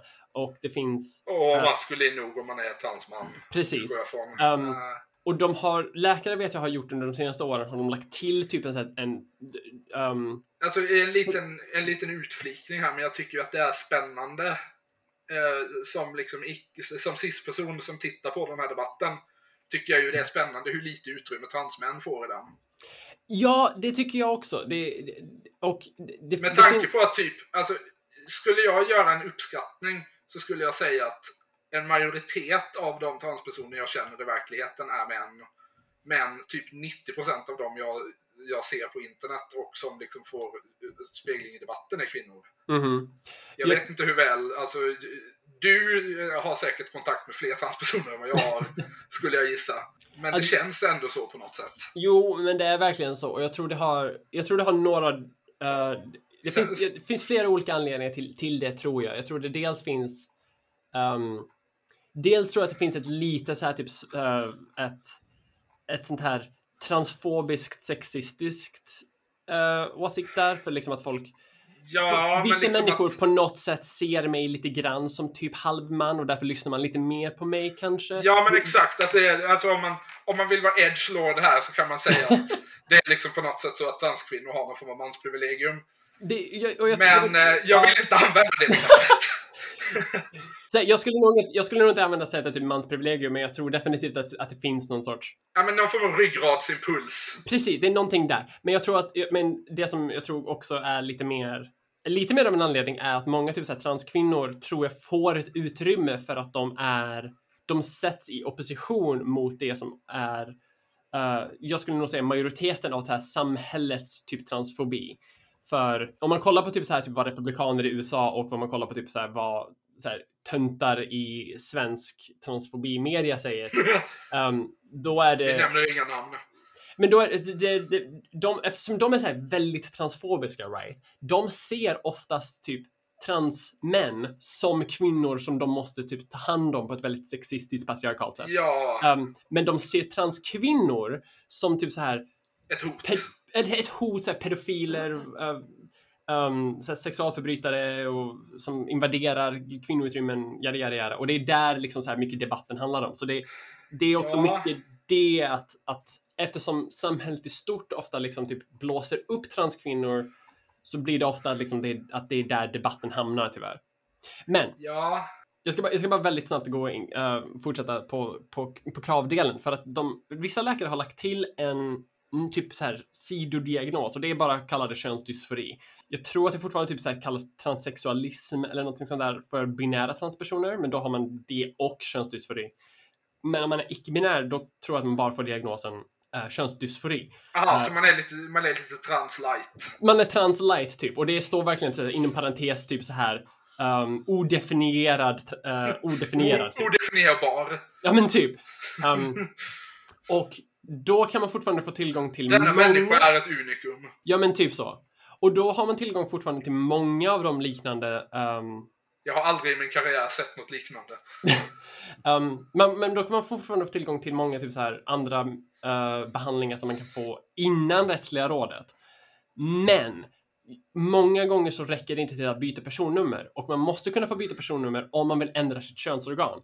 Så eh, Ja. tyvärr För det så har du... alltså, Ja, det är tyvärr väl har- det som liksom mannen på gatan förknippar med transpersoner på något sätt. Alltså Precis. på engelska finns det ju de här begreppen pre-op och post-op. Mhm, Jag Precis. vet inte om man riktigt, alltså vad motsvarande skulle vara på svenska, men det, man ser ju liksom det som, alltså traditionellt sett så ser man ju det som att när du har, när du har bytt ut ditt könsorgan så är du liksom färdig. Precis. Och det, det, det finns mycket sådana liksom, tankar i svensk i svensk liksom, trans-communities också. Och då, jag tror Ja, att alltså det är ju, det är ju så på gott och ont. Det var så på Ja. 70-talet och det är så nu att de här reglerna bestäms av folk som i snitt är typ 50 år gamla. Ja men verkligen, gud ja. Men ja, det, det, är typ så här, det är typ så kravet ser ut just nu. Um, att den medicinska biten och den juridiska biten är liksom väldigt ihopknippade. Du måste vara eh, du måste ha vissa så här medicinska delar för att kunna göra en juridisk grej. Typ så. Det är typ så det ser ut idag. Lite kaosigt. Och det tar jävligt lång tid. Och det är... Um, och på, gru- och på grund av att Rättsliga rådet ofta läser typ hur hur ens könsuttryck är. Um, för jag kommer ihåg när jag, nu ska jag berätta en personlig historia, att så här, när, när jag började gå till könsutredningen, då gick jag typ, då pratade jag så här rätt casually um, med min, så här, min normala röst som var mycket mörkare än den jag har idag. Och typ jeans och t-shirt. Typ jag går till läkaren och sen ska jag hem och spela World of Warcraft typ. Jag, Ja, jag alltså- klär liksom inte upp mig för att gå till läkaren. Och under jättelång tid så gjorde vi typ aldrig någon jävla progress jag fattar inte varför. Um, tills jag typ konfronterade min läkare om det och bara säga, ja men, och då sa han att så här, ja men det, det, det ser inte ut som att du faktiskt typ vill det här. Ja men eller, som att, herregud. eh, eller det känns som som att du inte, du, Nej, jag, jag är ledsen men nördar får inte byta könsidentitet. Ehm, Och då, men då pratade jag med några andra transpersoner och de gav mig rådet nu som jag fortfarande typ ger ut väldigt kontroversiellt, men det är eftersom det är på grund av hur systemet ser ut just nu och det är att ljuga för läkaren. För att Ja. har, man en, har man en mental diagnos så kommer det ta längre tid för då vill de reda ut den. Um, klär man sig på något sätt som inte är könsstereotypiskt, då kommer det ta längre tid för att då kommer de skriva ner att du inte, att du inte gör det rätt. Så efter jag pratade med dem, då började jag gå till, läkar, till läkarbesöken i, du vet så här, klänningar, uh, kjolar hela tiden, väldigt så här dolled up. Ja, exakt. Så att om, om vi vill ge något råd till uh, folk som är på väg att inse att de är trans så kan vi ju då säga att det är två grejer du behöver ta med dig till dina läkarbesök. Det är, eller du behöver, ett- eller två grejer du behöver ha till läkarbesök. Eh, Det är kjol och ADHD-medicin. Ja men typ så. Och det, här, och det här har ju typ lett till lite så här halv halvdåliga takes också i så här svensk transfobmedia där folk pratar om så här att ja, varför är de så könsstereotypa när man går in dit? Varför kan man inte vara liksom transkvinna och butch så här? Man kan vara feminin och fortfarande vara man. Ja, men det kan man inte vara i transsystemet. Anyway. Um, Exakt. Uh, och efter jag Vi gjorde så skulle, här. vi skulle inte ha låtit det här systemet utformats av människor födda i slutet på 1800-talet. men typ. Um, gud, alltså det är ett sånt skevt system. Um, och eh, ja, men det är så typ så. Och sen när jag väl började liksom göra det, då kunde jag göra framsteg liksom och faktiskt här, få tillgång till den vård som jag behövde där och uh, slutligen liksom få mitt personnummer förändrat. Och nu inser jag nu i efterhand att så här, ah shit, jag kanske har ADHD ändå. Men det är en annan historia. Men det är, för, det är förslaget som det är just nu och det har det liksom varit så sedan typ så här 1972 ändrades lite grann 2012 rent praktiskt just eftersom då, då tog de bort uh, tvångssteriliseringskravet och Ja, jag tror väl dock att Finland fortfarande har det. yes, det har de. Sist jag Ja. kollade i alla fall. Och, och det är det här som är också det lite För att återgå till det samnordiska perspektivet. Och det är ju det som är lite sjukt också, för Sverige var först i världen med att göra en könsidentitetslag. För innan det så kunde man fortfarande ändra sin könsidentitet. Fast då var man tvungen att gå till en typ en domstol och göra det som Ja. typ en, enskilt fall. Um, så Sverige var först genom att göra en lag. Det var, på den, det var på den tiden som det, liksom, transpersoner var kuriositeter. Precis. Um, In, innan det blev ett samhällsproblem. innan, liksom, innan the trans question blev en sak att lösa. Um, Ja, exakt. Så Sverige var först med att göra en lag och sen blev den eh, replikerad av jättemånga andra länder runt om i Ja. världen, inklusive steriliseringskravet, som, som egentligen bara var en grej som vi satte in för att funka på vårt jävla Ja, men för sjuka skojs i byråkrati. princip. Men det blev då copy-pastat in i typ så Japan och Finland och ja, resten av hela jävla världen. Förutom... Japan, förutom medicinskt tvång. Det här, är inte en, det här är inte en kombination som kan sluta illa. um, för, ö, typ överallt förutom i USA, för USA Nu ska, väl, vägrar i- nu ska importera. väl i och för sig jag som svensk inte kasta sten när det gäller det. Ja, jag, har- jag, jag, jag har pluggat i före detta rasbiologiska institutet, så ja. ja, just det ja. Just Altså, det ja. eh, selv, selv altså eh, Statsinstitutt for rasbiologi var vel altså på en eller annen måte fremdeles ikke like ille som Shiro Ishi. Vad sa du nu? Eh, At altså eh, selv Sverige med sin eh, historie når det kommer til altså diverse medisinske eksperimenter, Mhm. er vel allikevel bedre enn altså, Shiro Ishi og Enhet 731. Så vidt. Ja, alltså det var ju, det var ju mindre liksom eh, organiserat massmord i det svenska systemet, ja. Men, Ehm, men rent det, det juridiskt. finns nyanser här. Eh, men ja, så, ja, nej men... så, det eh, har varit, så det har varit det liksom. Och sen efter 2012 så blev de av med det och sen har vi, eller vi och vi, så har jättemånga organisationer liksom så här försökt eh, argumentera för en ny könsidentitetslag som Ja, och det är ju... Man ska skilja på det juridiska och det medicinska för att varför fan behöver man göra en medicinsk Alltså, utredning för ju byråkratiskt... Ja. nu har ju jag mitt lite grovhuggna cismansperspektiv på det här. Men jag kan ju tycka att om vi nu vill att det ska vara jämställt i Sverige, vad spelar det då för roll? Vad det står i passet att man har för kön? Ja, men det, ja men ja.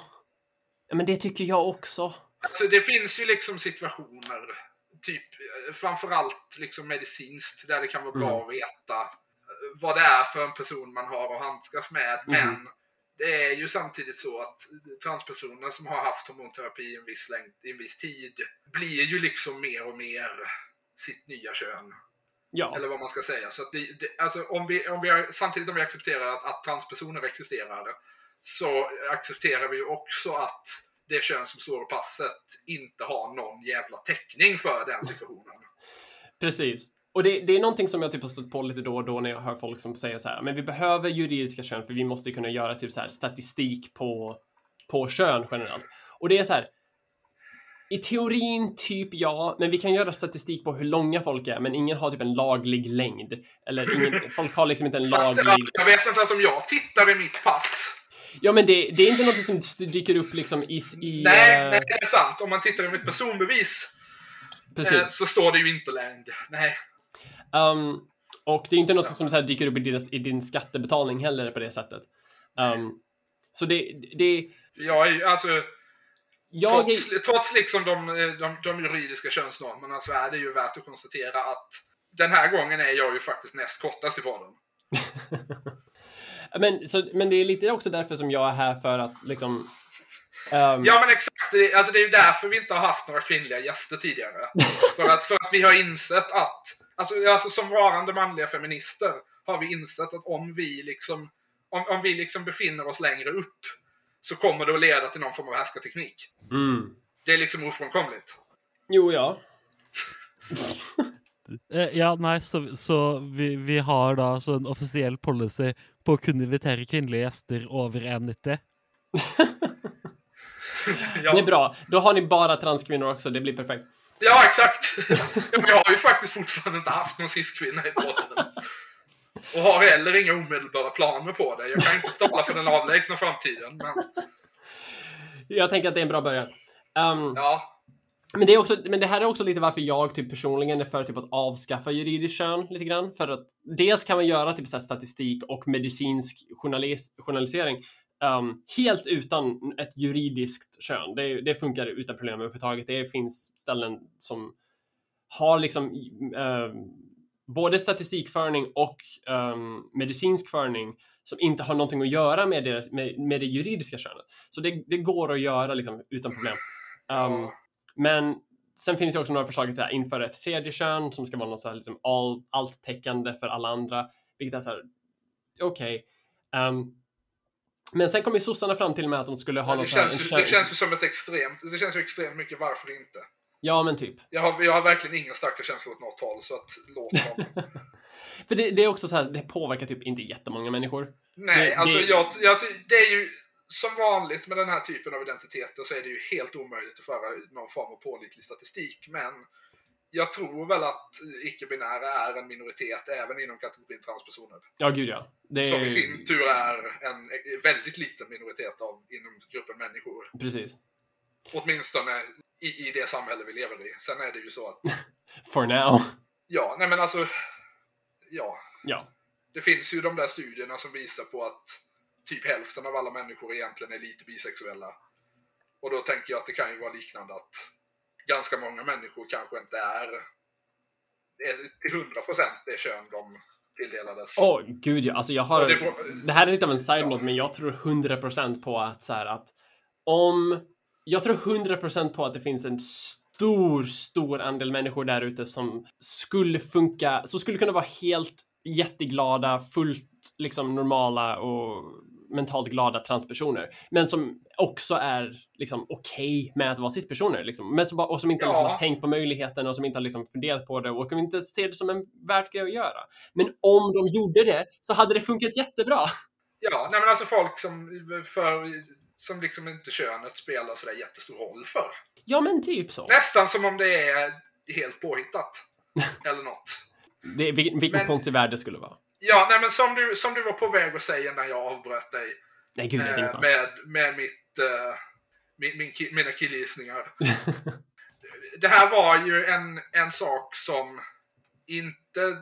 Alltså jag har ju inget minne av när det diskuterades under, under valet 2018. Men som jag har förstått efteråt så var det så att eh, efter eh, lobbning från, ja men det är väl typ RFSL och andra grupper. Ja så eh, fick man Socialdemokraterna att gå med på att göra det till ett vallöfte att de skulle revidera könstillhörighetslagen.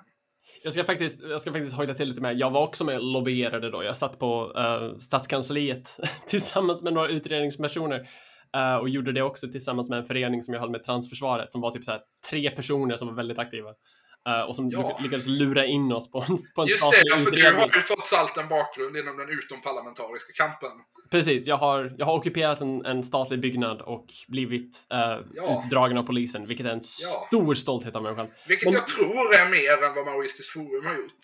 nu, nu vill jag inte tala ut, vill jag inte tala för fort här, men Ja, nej men det låter det.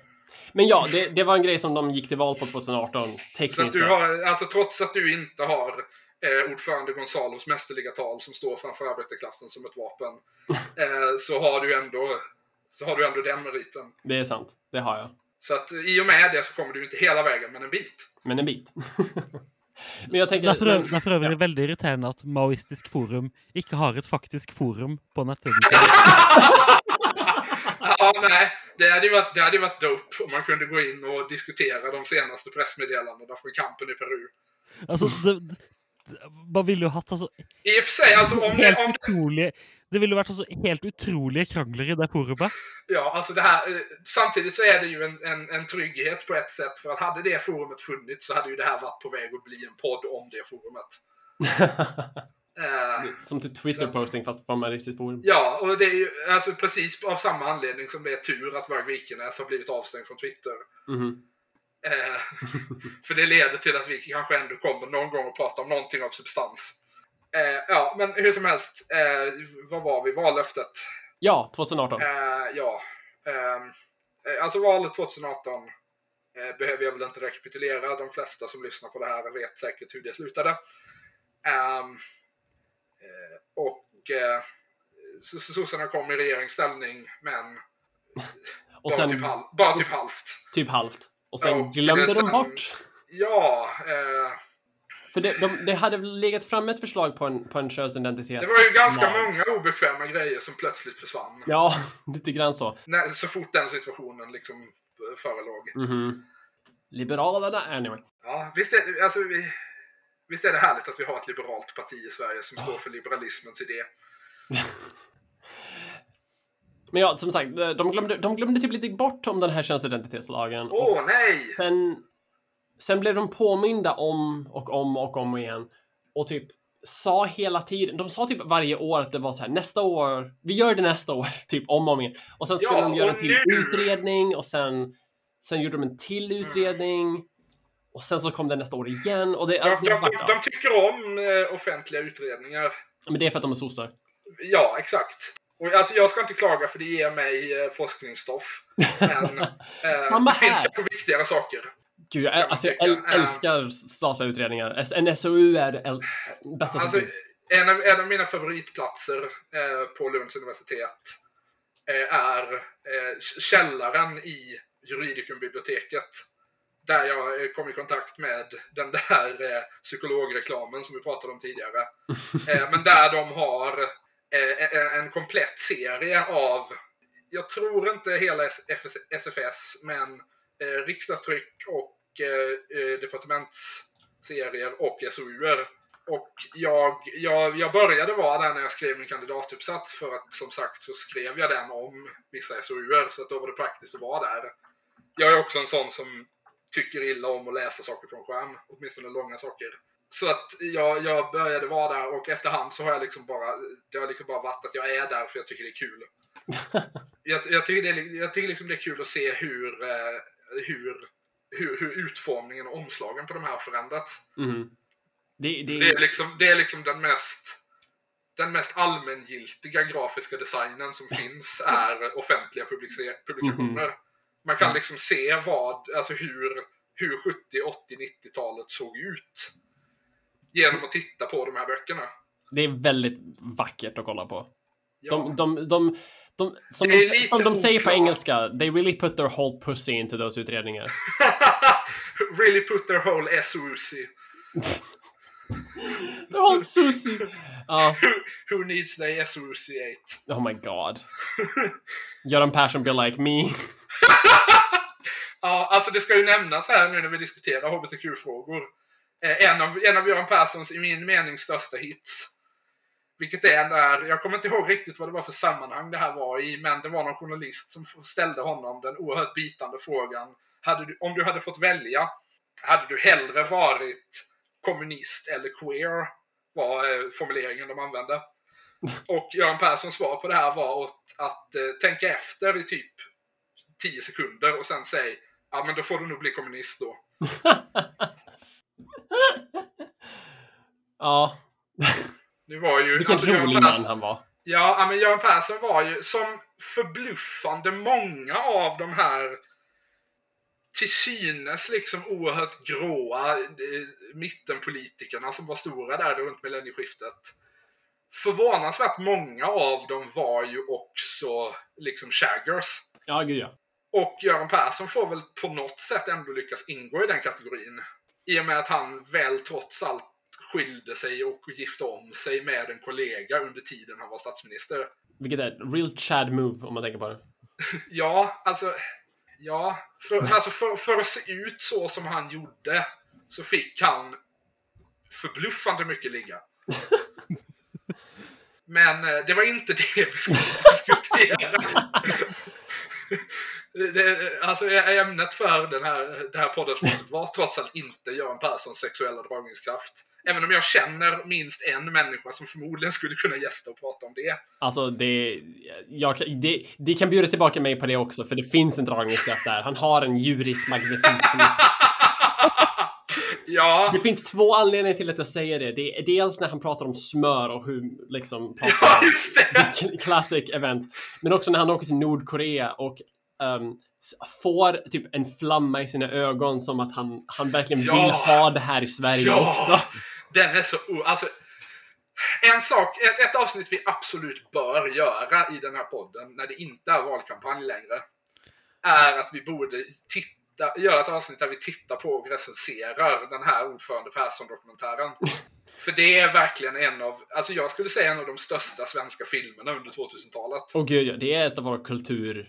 Liksom... Alltså om, om, vi, om det nu blir så att vi får en högerregering i Sverige efter valet och vi ska göra så som Danmark gjorde när de hade en högerregering, eh, att vi ska skriva en svensk kulturkanon där vi ska definiera vad det är som utgör svensk kultur, så, tyck, så kommer jag lobba för att den filmen ska vara med där. Gud ja.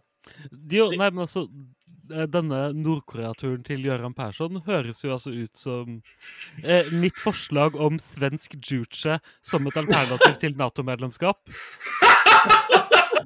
Just det! See now we're talking. Ja, Ja, altså eh, hvorfor, hvorfor være under den amerikanske atomparaplyen når du bare kan utvikle dine egne atomvåpen i stedet? ja, alltså vi var ju på god väg. Jag Nej. tror väl att Sverige fortfarande räknas som ett land som har eh, så kallad breakout capacity. Ja, det gör Alltså att vi skulle kunna tillverka kärnvapen inom loppet av typ ett par månader. För att runda av den här diskussionen innan vi går tillbaka så måste jag ju också måste jag bara säga att med plutonium får vi Håller dansken på knä. knä! Dansk jävlar! Du svenska vakttorn. Här, Danmark, utskitet ur kalk och slam. Där, Sverige, hugget ur granit. Ja. Alltså det är ju... Det, märks, det, det det, märks att, det märks att jag har gått på Uppsala och Lunds universitet. ja, jag skulle precis säga det. Det är ju lite mindre effektfullt det här när det görs. Eh, nu när jag inte längre sitter i princip inom synhåll från Barsebäck. Eh, men eh, nu är ju det här som tur är ett ljudmedium. Ja. Eh, ja, men alltså för att, För att komma tillbaka. för att runda av det här, eller vad man ska Åh. säga. När vi nu har pågått i en timme och 40 minuter. Herregud. Eh, ja. Eh, alltså, anledningen till att Anledningen till att jag bjöd in dig första gången var för att jag ville ha med dig i podden. Anledningen till att jag bjöd in dig denna gången var att runt månadsskiftet så gick Lena Hallengren ut och sa att regeringen hade lagt ett, ett förslag om att göra den här ändringen som nu ska gå, till, eh, ska gå på remiss. Ja, men den är, den är förvånansvärt annorlunda än det förslaget som de hade innan. Ja, för det, var, alltså jag hade ju velat fråga dig lite. Jag litar inte på mig själv att kunna bedöma om det här är ett, ett bra förslag. Alltså, jag skulle väl, okej, så det fanns ju ett förslag från 2014 och det var det som de skulle införa 2018. Och det var att de skulle sänka åldersgränsen från 18 till 12. Alltså att man då som 12 år gammal kan liksom ut, Ja. påbörja en, en Ja, men det, det är ju skönt att, att, vi, att vi får en åldersgräns i det spannet nämnd i den här podden som inte är eh, vettskrämmande. um, För det känns som att när jag hör ordet 12-årsgräns i koppling med svensk politik så, så osäkrar jag min revolver på något sätt. man blir rädd. Um, Ja. Men också då att det skulle vara eh, inte ett krav på en medicinsk utredning, alltså också att man då skiljer helt och hållet på det medicinska och det juridiska. Alltså att eh, i teorin då att, som, att man som 12 år skulle kunna, skulle kunna byta sitt juridiska kön. Um, Ja, teorin. fast Alltså jag, jag utgår ifrån att en 12-åring fortfarande skulle behöva ha målsmanstillstånd för det, eller? nästan garanterat ja. Ja. Om inte, om det inte, känns ju ja, som att det är, Alltså oavsett hur mycket, eh, oavsett hur mycket vi gillar att, att prata om att tvångsomhänderta barn i Sverige så känns det ju som att en sån lag skulle aldrig gå igenom om det inte fanns ett sånt. Ett sånt Nej, rekvisit. precis. Eh, Och för det, att, eh, alltså de vita föräldrarna skulle reagera och de lyssnar vi på. Ja, men precis. Och, ehm, så, men det här nya förslaget har, uh, är lite annorlunda. Uh, Socialstyrelsen har sagt att så här, 12, 12-åringar har inte den mognaden som de behöver för att kunna tänka på den, en juridisk könsförändring. Som alltså då är ändrat pappersarbete som alltså då ska enligt Socialstyrelsen ha så här grova konsekvenser för livet i framtiden. Ehm, Ja, men alltså, om du, du får tänka så här. Om det är en grupp människor som tycker att pappersarbete är det viktigaste på jordens yta så är det svenska statsbyråkrater. Det är sant. Ehm, jag, jag vet också att jag har blivit bättre på att byta kön. För när jag, när jag bytte mitt lagliga kön, då blev, då, jag, blev, jag blev utkastad ur min bostadskö och jag, jag, jag förlorade min... Ja, just det, för att du bytte personnummer. Ja, precis. Och jag förlorade min allmänna tandvård. Jag bara, jag bara tycker, alltså det hade ju i och för sig varit deprimerande men lite underhållande om det liksom var för att det kommunala bostadsbolaget, Bestämde Eh. sig för att nej. ja, det, så här kan vi inte ha det. Uh, Men, en, eh, en, ja, en, lite, en lite roligare konsekvens av att jag har bytt kön, och det här, det här händer fortfarande, är att eh, jag, har ju, jag, jag är ju nederländare som vi nämnde i början. Att jag, jag, jag har dubbelt medborgarskap, så jag är ju också, jag är också Nederlands. Men jag har inte, sen, sen jag har ändrat min, mitt lagliga kön här i Sverige, jag har inte ändrat det i Nederländerna. Jag har inte heller ändrat mitt namn i Nederländerna, för det är ett helt annat byråkratiskt nät, nätverk. Aha, så att när du, när du, alltså när du korsar den nederländska gränsen så blir du man. Precis, ja, typ så. Lite som att, lite som att typ den engelska drottningen blir kalvinist när hon åker till Skottland. Typ. Men det finns en konsekvens till det här för att det, tekniskt sett um, um, mitt, min, min, gam, min gamla könsidentitet och mitt gamla namn var ju kopplat till min uh, nederländska uh, ett. De har ju liksom en sån här kopplingsgrej genom EU och hela den skiten så att, jag, Ja. så att jag kan gå till konsulatet och fixa grejer utan problem. Men nu är jag i Sverige enligt lagen en annan juridisk person. Vilket betyder att jag nu tekniskt sett är två olika juridiska personer. ja. Vilket Så att alltså om du, en man och en kvinna. jag vill bara reda ut det här som, eh, som före detta kriminolog. eh, om du, jag vet inte hur jag ska avsluta det, men alltså ja. Om jag begår ett Alltså, brott i Nederländerna och sen flyr till Sverige så kan jag aldrig bli åtalad. Och sen bränner dina gamla pass. Ja. Ja, Det typ så. här, är ju, alltså, det här är ju det perfekta brottet. Uh, dels är det det perfekta brottet, men jag har också, om det är någon som lyssnar där ute som vet om det här går att göra, jag vill se om det går att gifta mig med mig själv. Ja, Ja, ja just det. För att, alltså, du ja skulle, jeg, skulle, jeg skulle akkurat til å foreslå det. sätt kunna åka till Iran och gifta dig med dig själv. Ja, men typ, alltså så här, varför Om du får någon att, att agera bulvan och påstå att det här är, alltså det här, det här är jag och det här är min, min, fäst, min fästmö Mia. Och ja, Ja, Det, ja, men det, det här, Problemet är väl att jag antar att du har foto-ID i bägge de här fallen. tyvärr har jag ju det. Så det, Ja, det, så att du skulle ju behöva förfalska ett eller det andra för att det här skulle tyvärr. fungera. Eller alternativt hitta din eh, sedan länge förlorade enäggstvilling. Ja, det hade ju varit något. Men i alla fall. Vi- ville ja. det eh, hvor- hvor- Hvordan fungerer det i Sverige? Ville det vært noen altså, skattefordeler eller vis- med å gifte seg med seg selv? Alltså vi har ju inte sambeskattning av gifta par i Sverige. Dere, dere har ikke det heller? Eh, nej. damn. Nej, men jag undrar om... Det, Samtidigt, alltså om du, alltså jag funderar på hur det fungerar om du ehm, om du gifter dig med dig själv eh, och sen Nu vet jag inte om det går för transkvinnor, slår det mig nu, men om du låter inseminera dig och få barn. Skulle du då kunna ta ut hela din föräldraförsäkring? ja, nu pratar... Nu, ja. Mm, Ja, altså, eh, hva, hva hvis du skiller deg fra deg selv? Vil du da, skyld, vil du da være så forpliktet å gi, gi deg selv det- Alltså, altså, vet, de- vet de ni vad andre som slog mig nu precis? Det här är det första avsnittet i den här poddens historia där vi har haft två gäster. Men okej. För Jag, ville bara, jag ville bara berätta en kul historia om det. Men Du Um, inser att alltså, när jag, när, om, om det nu är jag som klipper det här avsnittet så kommer jag att lägga eko på din röst när du säger att Men vi är väldigt glada att vara här. Ja, nej men det... Jo, för det, alltså det här leder ju mig tillbaka till en gammal, eh, en gammal talepunkt jag har haft. Vilket är att jag tycker att, att, eh, att eh, juridisk liksom, köns självidentifiering är bra. Helt oberoende av huruvida jag tycker att, eh, hur, hur, vad jag skulle, möjligtvis skulle kunna tycka i transfrågan. För jag tror stenhårt på den urgamla hävdvunna rätten att, att fejka sin död och leva någon annanstans som en helt ny människa. Exakt. Exakt.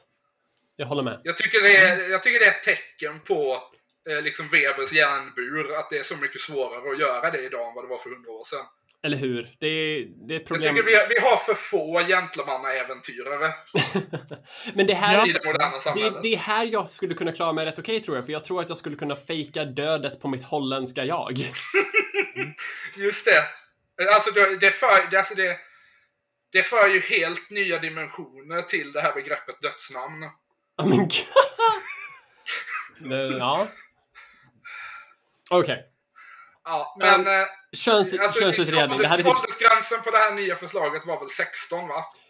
Ja, och anledningen till att det är eh, 16 och inte 12 ehm, är dels att eh, 12-åringar är för unga, men sen så kom de också typ som så här, Brottsförebyggande rådet och så här, Åklagarmyndigheten sa att det typ fanns en risk att kriminella skulle börja identifiera sig som trans för att byta juridiskt personnummer och därmed liksom typ så här. ja men då, då knyter vi ihop säcken här. Precis! Det här för oss tillbaka till det vi diskuterade innan. Så de, de är oroliga att det som jag har gjort kommer andra att göra. Ehm, Alltså det gäller, att, det gäller att lagrådet inte får tag på den här podden innan det här förslaget har blivit lag. Ja, fy fan. Ja. Um, Du, det kan vara så att du har försagt dig. Ja, fy fan. Ja, det, det kommer bli problematiskt när valet kommer och jag blir invald. Um, Ja. ja, men det här, och det här förslaget låter rätt bra till, till en okej del, för det är så här, okej, vi har 16 år, vi skiljer på det juridiska och det medicinska till stor del, liksom att vi fortfarande, att det kommer vara liksom snabbare att gå igenom utredningen och, och allt sånt där. Men um, det, det sackar efter en stor del från så här andra europeiska länder. För i, för det- det- kontentan i det här handlar typ om så här själv, självidentifiering, right? Att antingen så måste jag få en läkare att typ identifiera mig åt mig så att de gör det, eller att jag gör det själv. Och om jag gör det själv, då är det bara att jag skickar typ in en liten pappersblankett till Skatteverket och så får jag ett nytt kön. Det är, that's it. Liksom det är, mer än så är det inte. Och sen om jag behöver någon medicinsk grej, det, då är det något helt annat som jag behöver prata med min läkare om. Det här är någonting som många ställen redan gör runt om i Europa. Typ Irland har gjort det här rätt okej i flera år utan problem. Portugal har gjort det. I Norge kan, man, eh, kan barn byta uh, kön från sex års ålder. Um, vilket är Åh fan. Ja, vilket är så här, det, är- det är lite läskigt när man hör det, tänker man. Men det har varit typ, det har varit fine. Det har Du, typ, dö, du, du måste döda din inre cis-person. typ så. Men det, och det, men det har typ löst sig. Det var alltså riktat även till lyssnaren. Eh, ja.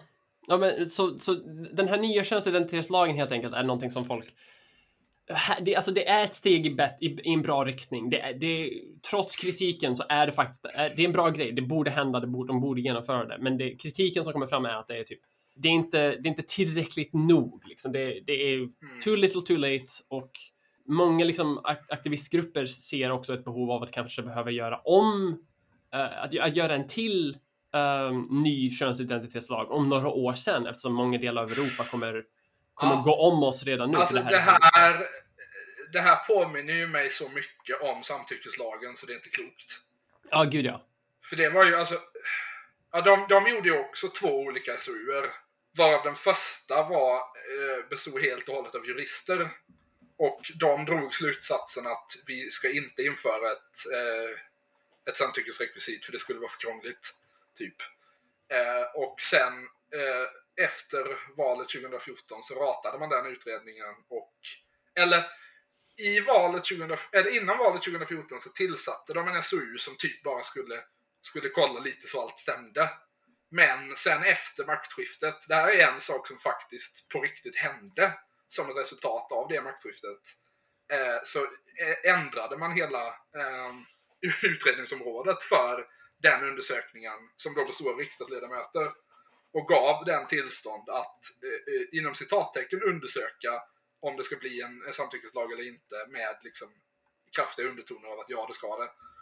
Eh, och sen eh, gav de ett utlåtande som sa att ja, det ska det och sen blev det lag. Eh, och det är ju liksom... Och då, alltså den första utredningen föregicks ju av den här stora reformen 2005 där de utökade våldtäktsbegreppet. Som i sin tur hade en gigantisk utredning för sig. Så det är ju liksom en oändlig spiral det här. Ja. Som vi, som vi konstaterade innan, det finns ingenting den svenska staten älskar riktigt lika mycket som att göra en lång och komplicerad utredning. Det är väldigt svenskt på det sättet. Det är väldigt sossigt. Det är, näst, det är nästan som man börjar fundera på om det är någon form av arbetsmarknadsåtgärd.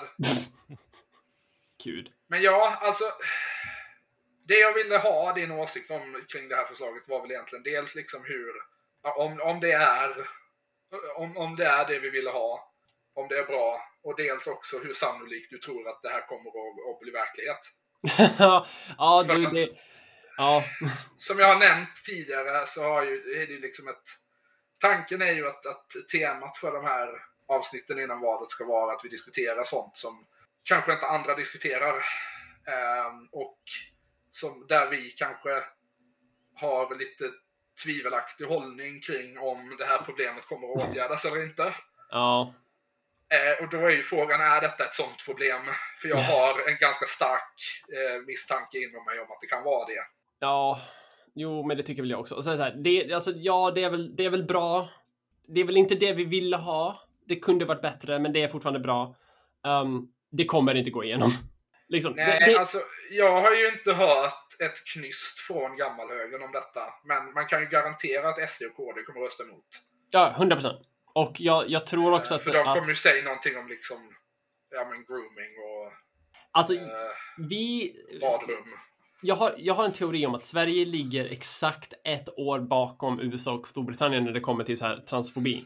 Ja, Ehm, men alltså så det är ju, det passar det är ju så lite, lite i allmänhet. Ja, men typ så. Att det, är liksom, det som diskuteras i Stockholm är det de som liksom är innefolk i Stockholm hörde när de var i London året innan. Precis, exakt. Eller i New York då. Vilket ju blir vanligare och vanligare. Ja, men precis. Nej, men så det... Så... Jag Det tror den att här, det alltså här... den här klassiska, liksom, ja men någon form av, eh, om man kan kalla det klassdysfori. Som jag fick när, eh, eh, om det var Reinfeldt, typ runt 2012, försökte uppmana liksom individuell aktion för klimatet. När han sa någonting om att skippa weekendresan till New York. Gud. Och jag började tänka, vem i helvete åker till New York över en helg? Det, Men, det, men tydligen är det, är det något folk gör. Eh, jeg, Det, det jeg, är ju, jeg, jeg, jeg har vært i New York en helg. Ja, men du är norrman. Ja, jag tänkte precis säga det. til, til, til mitt forsvar, det var en, eh, det var en mellomlanding. Ja, ja, ja, men det är ju lite mer. Alltså, Ja. Det jag menar är liksom en helglång semester. Ja, en, en, Där liksom helg, hela en, resan är... en helgereise til New York kun for å være i New York den ene helgen, og så tilbake igjen. Ja. Eh, det Altså, Ja, men eh, du- du rekker jo ikke engang å gjøre noe. Hva er poenget?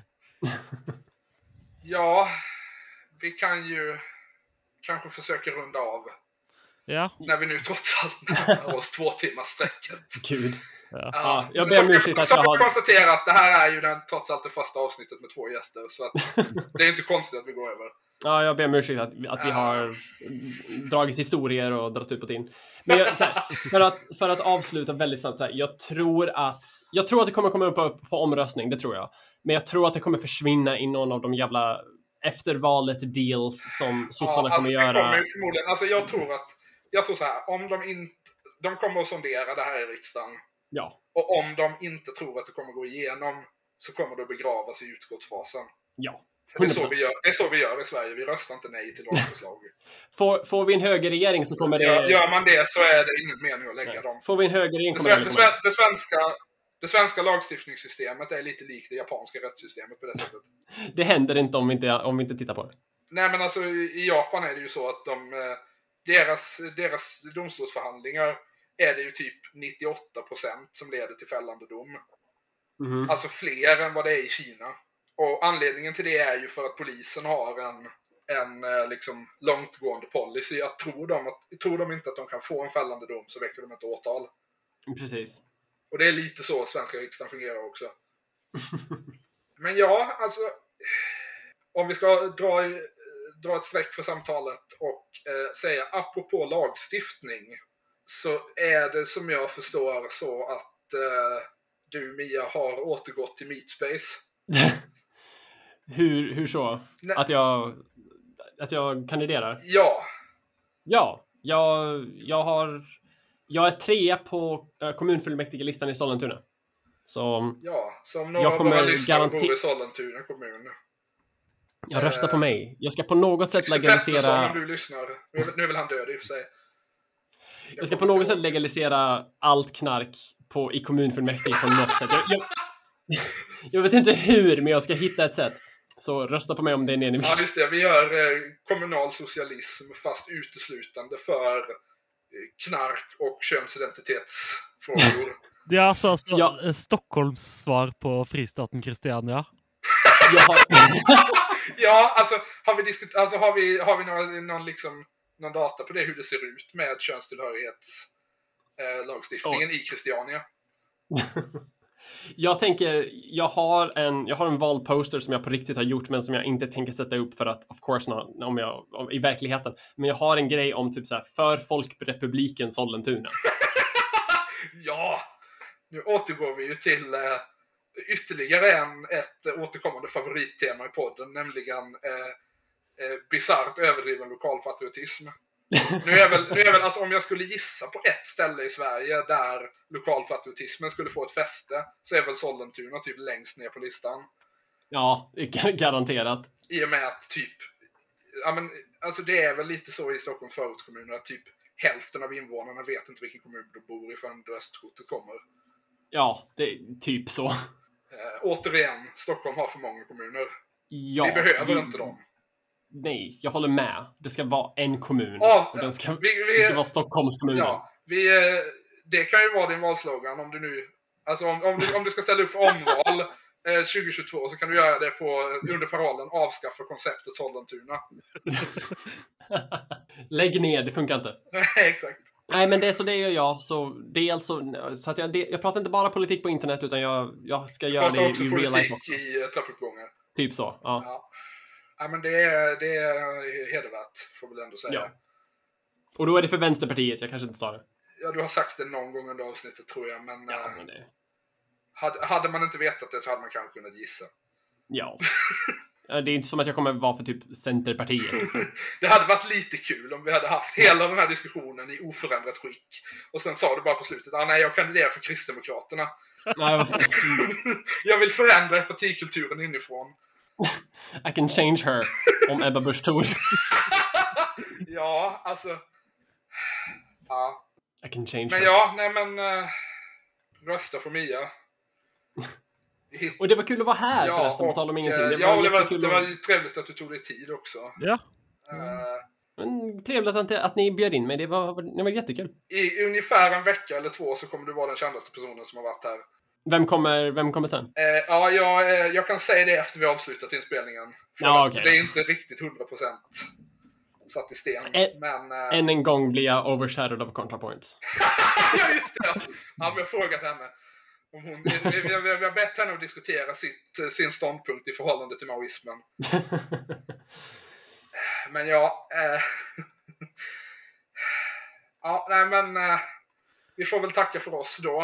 Ehm, Ja, og, og, og tusen takk til Mia og Mia. ja, exakt.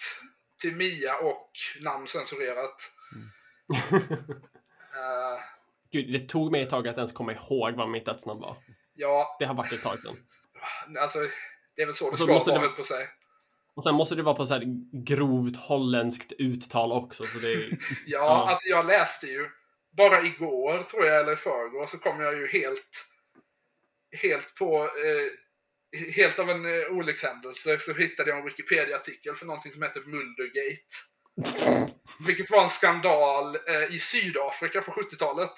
Det låter rätt. Där det visade sig att eh, informationsministern Conny Mulder hade eh, brukat massa skattepengar på att typ köpa upp både, sydam- både sydafrikanska och även amerikanska tidningar och göra dem till språkrör för apartheidregimen. Jag har en släkting som heter Conny Mulder. ja men du ser, detta är ditt arv. Och han är, han är lite gammal, så ja. Eh, Ja, eh, Ja, nej, jag har haft familj i både Indonesien och Sydafrika, så det, Det är klart det, jag har ett bra arv. Jo, men altså, jeg Mhm. er sikker på at alle de har bare gjort bra ting i det landet. ja. Ja, Mhm. men... Eh, ja, det kan få vara det sista stickspåret, tycker jag. Eh, du, som du som lyssnar har lyssnat på Brödrafolkens podd. Du kan hitta oss på Twitter, att Broderfolkens. Och där kan du också hitta länkar till följa oss var och en för sig. Och eh, ja, vill du ge dina länkar Mia till alla 7000 grejer du gör på internet? Eh, ni kan gå till miamulder.com så kommer ni till, min- till min YouTube-kanal. Som, där ni kan kolla på mina videor på engelska som inte har någonting med svensk politik att göra. Eh, ni kan lyssna på min podcast som är en medicinsk-historisk podcast som också heller inte har någonting med svensk politik att göra. Eh, som också finns på Spotify och överallt annat som heter Leechfest. Ja, Leechfest. som också är på engelska. Ja, den är också på engelska. För, för att jag älskar Sverige, det är ett kul land, men det är också så här, det är, fan ingen som bor här. Nej, Så men det- det, är det där ska man- att- ska man ha ett jobb på innan- internet? Som jag sa innan, att bli profet i, sin egen, i sitt eget hemland. ja, men där, där finns jag. Jag finns på Twitter på Potato Politics. Ett, ett helt att- logiskt användarnamn. Ja, jo, Eh, som jag aldrig kommer ändra. Det, det, det är så döpt för att eh, för din, din långa historia av eh, apologism för Lukasjenko-regimen. Du har äntligen ertappat från- min långa historia. Ja, Mm. ja, ehm, så att vi, vi återkommer nästa vecka där vi får se hur, hur djupt diskursen har sjunkit till dess. Så tills dess, tack för oss, hej då. Ha det. Hej då.